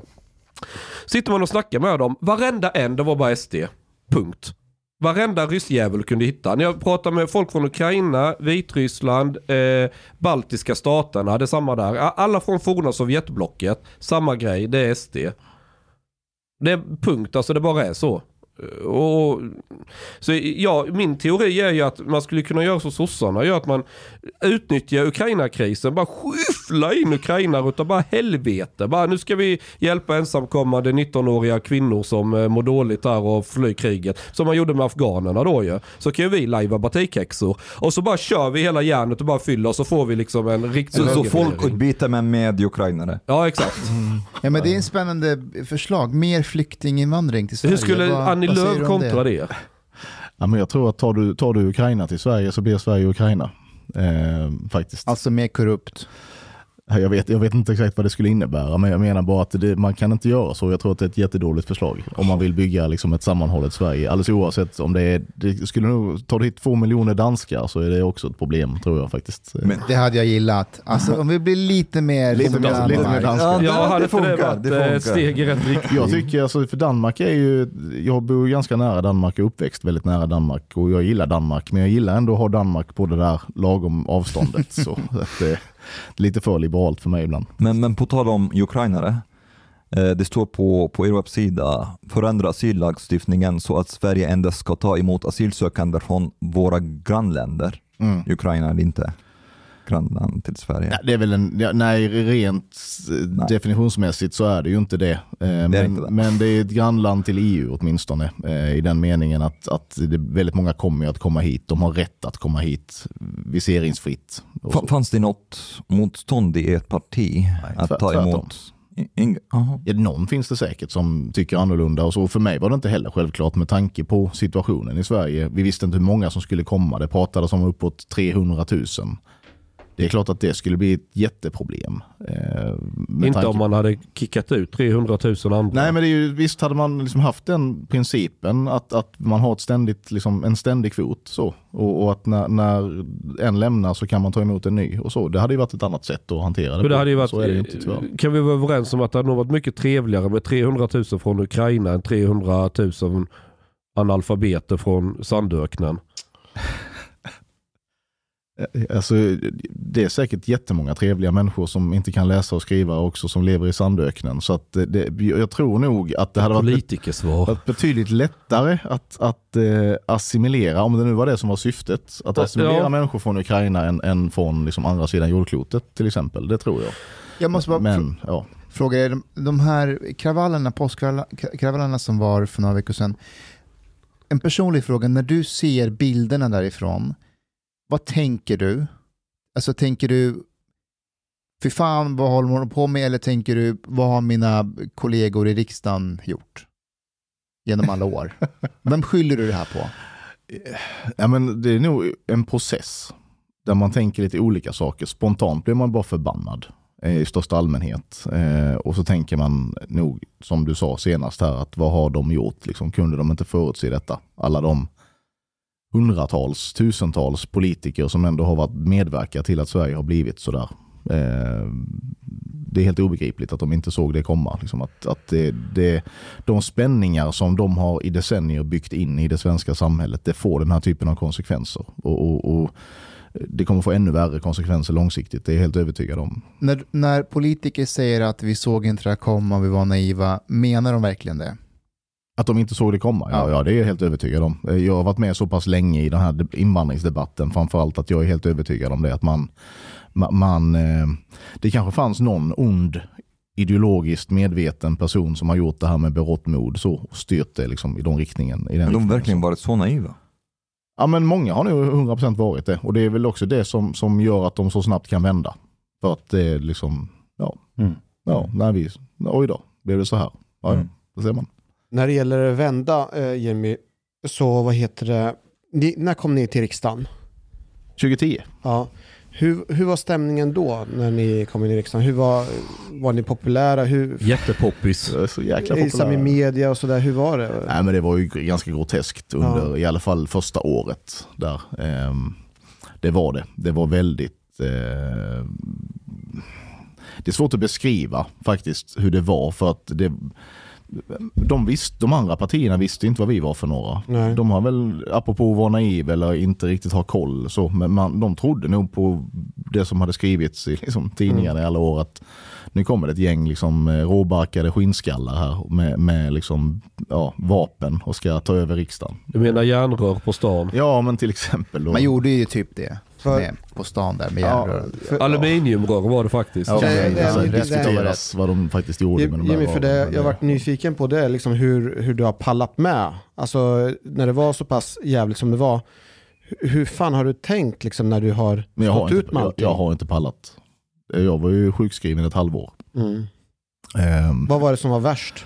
Ja, men det går inte att sätta fingret på det, utan det, det, det där var nog ackumulerat liksom, eh, allmänt. Eh, alltså du, du har allt det här externa. Det är klart att man, det rinner av dig för stunden. Det, Mm. det, och så upplever jag det fortfarande. Att det är liksom, ja jag visst kalla mig det där då, eller gör det där. Men, men någonstans så ackumuleras det ju i din hjärna och till slut blir det bara för mycket. Ehm, så. Eh, Men, inte bara det, utan sen har du ju, menar, det är ju i sig jobbigt att vara partiledare i ett riksdagsparti. Och det Mm. tror jag alla fattar. Att det är, liksom, det är ett jäkla tryck, både inifrån partiet, eh, saker man ska göra. Sen har du en familj som tycker att man kanske ska prioritera någonting helt annat. Mm. Eh, och sen har du då också det här externa trycket på dig. Det, det, det höll inte helt enkelt. Du ser pigg och glad och fräsch ut idag. Ja, men jag är Vad är ganska din pigg. hemlighet? Nej, men jag, jag har väl lärt mig väldigt mycket av det där halvåret eh, och jobbat väldigt mycket med det. Hur, hur har du gjort då? Hur har du jobbat med det? Ja, Men eh, jag har någonstans kanske lärt mig att vara ledig eh, på riktigt. Att allt betyder inte lika mycket. Eh, jag väljer själv vad jag vill delta i. Eh, då gjorde man allt Mm. hela tiden och det var ständigt saker. Och nu, visst nu är det valrörelse, det är klart att man ställer upp på mycket mer saker och så. Men jag är nog ganska otillgänglig idag tror jag. För framförallt mindre medier och så. Eh, det är ganska Som sällan. det heter idag menar du? Som nyheter idag är jag nog 100% otillgänglig för. eh, Alltså? Fan vilken diskriminering. Men, Nej, Jimmy, men- vad, men- du- eh, vad, alltså, vad, vad gör du när du är led, ledig? Vad, vad hittar du på? Vad har du för fritidsintresse? Jag försöker träffa människor som inte håller på med politik. Mm. Eh, gamla barndomsvänner, har väldigt många sådana kvar. Det är jag Mm. glad för. Eh, försöker vara hemma. Sova i min egen säng. Det är Mm. jätteviktigt. Eh, Har du några hobbys? Eh, nej, jag försöker pula i trädgården och på huset. Liksom. Ja. Det är, tyvärr, då, det- här, är- den här dagen är ett exempel på det. När jag varit hemma då några dagar. Fick en dag där jag kunde pula lite i trädgården. Blev väl inte ens halvfärdig med allt jag skulle göra. Och sen hade jag en dag igår där jag skulle göra resten. Då ösregnade hela dagen. Fick Mm. ingenting gjort. Vaknade i morse och solen skiner och så bara, åh, måste jag Och åka så till ska du hit och träffa mig och Ja, alla jävlar. För, eh, det jag vill komma fram till det är att när ni kom in i riksdagen, jag var en av väldigt många personer som vart genuint ledsen. Mm. För jag kände att här har vi ett eh, rasistiskt parti som kommer in i riksdagen. Men sen så upplever jag med tiden så har det vänt och att ni har blivit mer och mer accepterade. Eh, Kan du själv, vet du någon tidpunkt där det, det, det känner att ah, men nu har det vänt, nu är vi lite mer legitima? Jag vet. Det finns, finns nog många sådana eh, liksom vändpunkter tror jag. Men, men jag som ändå har varit inne i det här då i, ja, inte bara i de här 12 åren utan även före det har ju sett en successiv liksom, förändring. Mm. Eh, sen är det klart att den har fått en extra skjuts i olika sammanhang. Vilka då? Eh, flyktingkaoset 2015 naturligtvis är ju ja, när alla andra partier tvingades låta mer som vi. Det är Mm. klart att då, då hände det någonting. Ehm, det, det var länge sedan som, som de andra partierna, inte minst Moderaterna, sa ju länge att vi kan inte samarbeta med SD för de eh, gör ju skillnad på folk och folk och människor och människor och de vill inte ha invandring. Och det var ju svårt att hänvisa till det sen när de själva började låta som vi, till exempel. Då. Så Mm. att, eh, men man kan ju också mäta det här. Eh, och när man mäter det så är det ingen liksom självklar studs 2015 utan eh, man, man, man mäter ju popularitet för partier, det är det vanliga. Men man mäter ju faktiskt också hur, hur illa omtyckt ett parti är. Det mäts ju också. Och det kan man också titta på. Eh, och när vi kom in i riksdagen 20, eller, ja, 2008 är den första sån undersökning jag såg. Då hade vi en potential på Ja, då var det 4% som tyckte om oss och 4% som tyckte lite om oss och resten hatade oss i princip. Och det där har sen med några procentenheter år efter år efter år ändrats. Så idag är vi, det är nästan 50-50 idag. Eh, att det är betydligt fler, idag, eh, fler som inte hatar oss idag. Men ni gör fortfarande skillnad på folk och folk? Det gör alla Ja. hela tiden. Så, men det är klart att det är skillnad på folk och folk. Ja, men jag tänkte på förslaget kring, jag lyssnar på när det gäller eh, idén om obligatorisk förskola Mm. Som ni hade. Och det är framförallt bara i utsatta områden. Ja. Ja. Ja, det är det ju. Det är, för det är där det behövs. Mm. Jag tycker att obligatorisk förskola är ett allvarligt ingrepp eh, i liksom personers liv. Men när det st- ställs emot att unga flickor hålls tillbaka i eh, främmande strukturer eh, så menar jag att då kan det vara ett sätt att hjälpa dem. Att helt enkelt tvinga deras föräldrar att skicka dem till förskolan. Eh, så det är därför. Så det är principer som ställs mot varandra där. Jag minns ett väldigt specifikt tillfälle där jag i alla fall insåg att okej, det här kommer vända ganska mycket för dig och partiet. Och det var när du första gången var med i Skavlan. Ehm, Det är väl bara en gång. Två gånger faktiskt. Ja, det var två. Mm. ja, andra gången var du där med, med Louise. Mm, just det. Men första gången, och det, den intervjun, så jag, jag såg det liksom live när jag gick på tv eller när det sändes, att jag, jag var så här wow, så här skulle inte någon annan partiledare bli behandlad. Jimmy, er klimatet i svensk politikk for hardt? Ja, delvis är det det. Ja, for, for har ikke, Om man sier at klimatet er blitt for hardt, er ikke, er ikke, har n- just ditt parti vært den sterkeste pådriveren for det her harde klimatet? Nej, det tycker jag inte.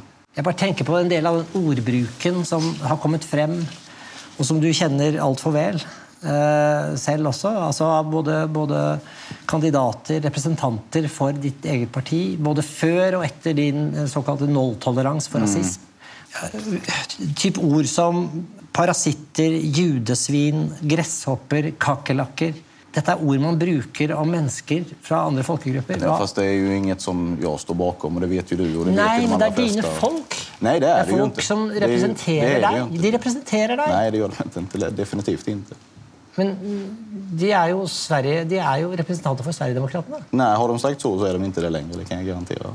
Alltså det är ju, man kan ju alltid göra så här. Man kan alltid lyfta fram då enskilda tokstollar som väljer att uttrycka sig på ett sånt här sätt och som uppenbarligen inte eh, tillhör samma parti som jag, åtminstone inte i teorin.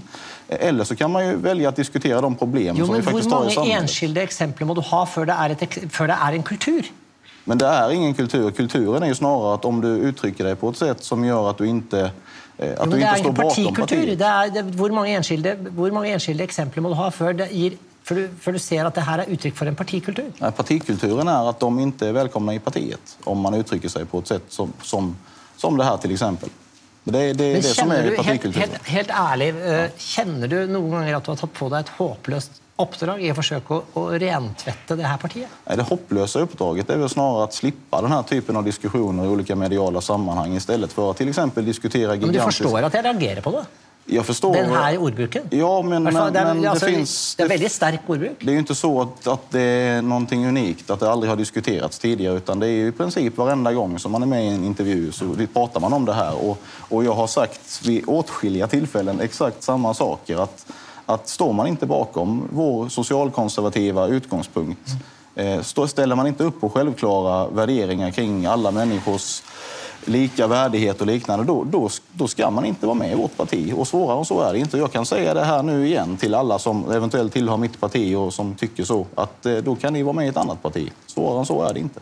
Alltså jag ska ärligt säga, för jag har ju, den reaktionen är ju, alla reagerade ju så, eller inte alla, men väldigt många. Det var ju till och med så här hearings i Norge om det där programmet. Så. Men eh, jag upplevde inte det så, kan jag säga.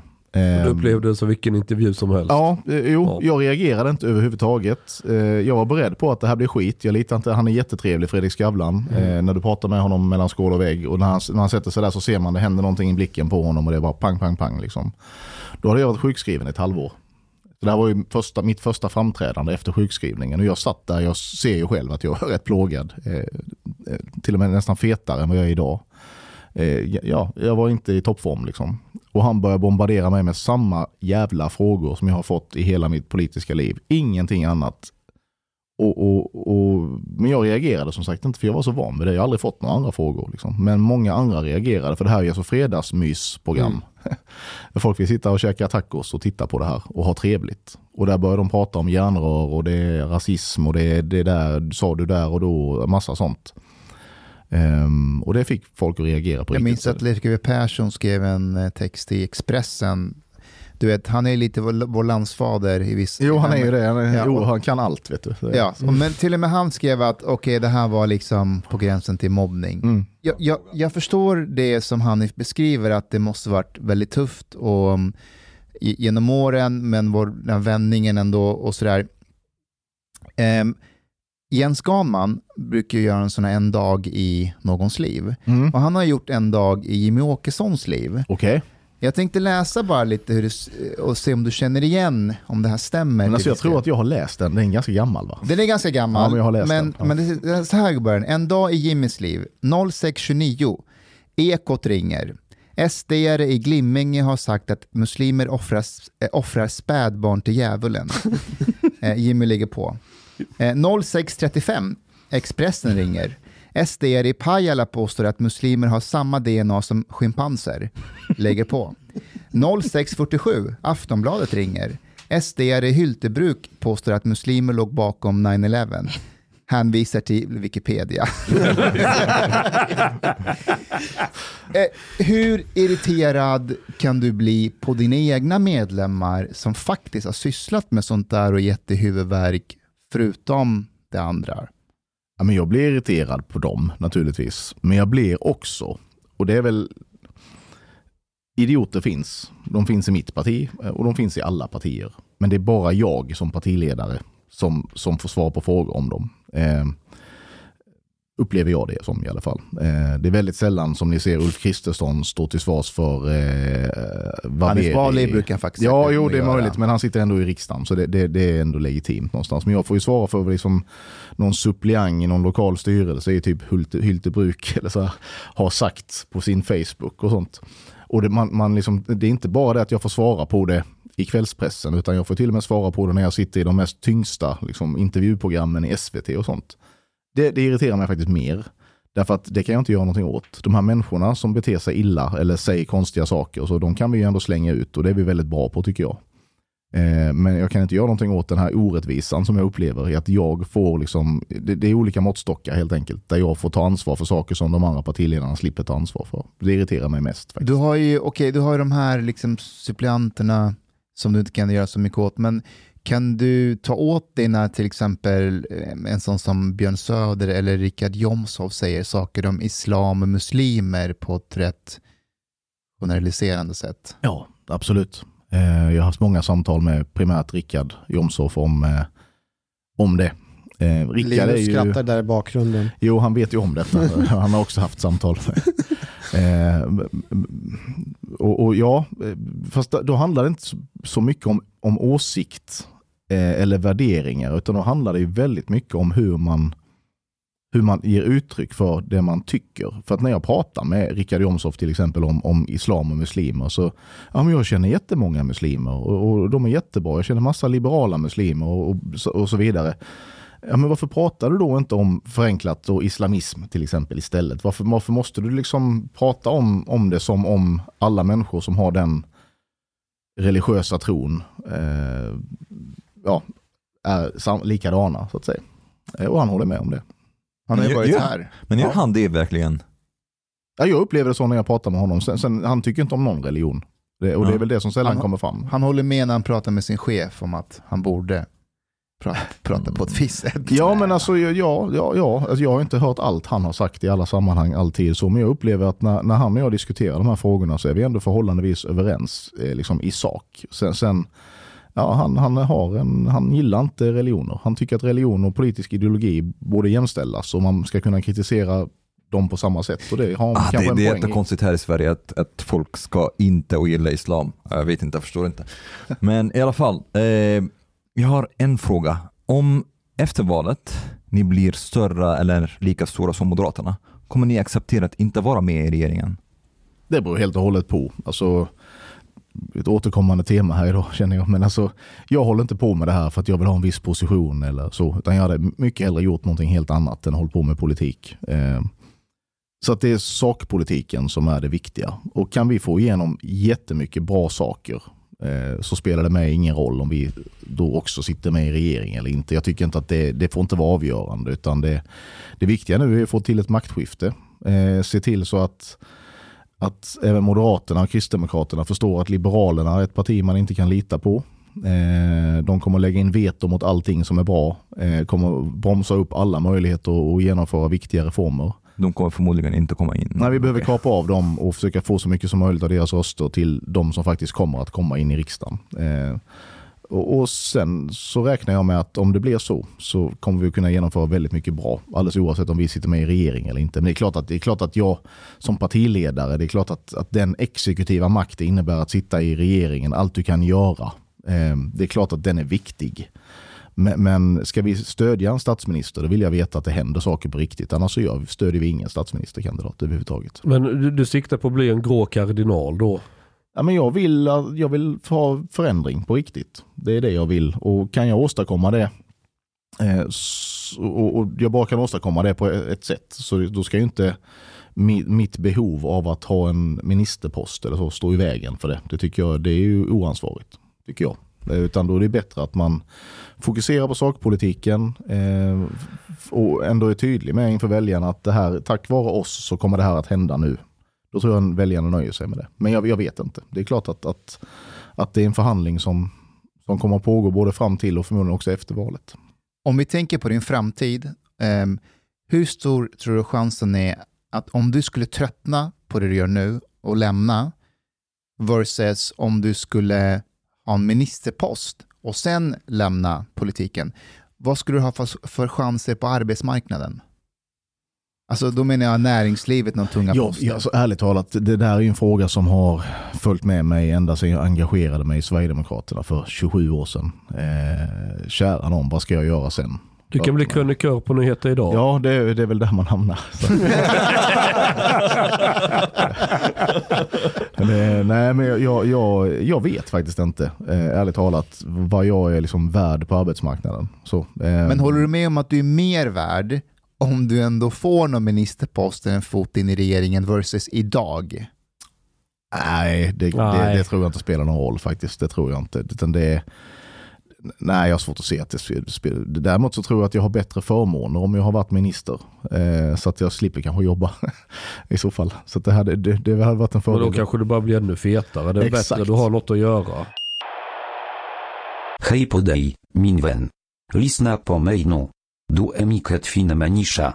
Du har betalat biljett på klubbzista måltid. En mycket fin radioprogram i Sverige. Tack vare dig så är det möjligt för grabbarna att shoppa kaffe latte ute på torget. Betalar kningar. Shoppa blodpudding till familjen. Åka tunnelbana. Eller dricka en kall Norrlands guld på uteservering. Ibland. Dit bidrag gör grabbarna mycket glada. Dit stot gör gista måltid möjlig, helt enkelt. Tack, min vän.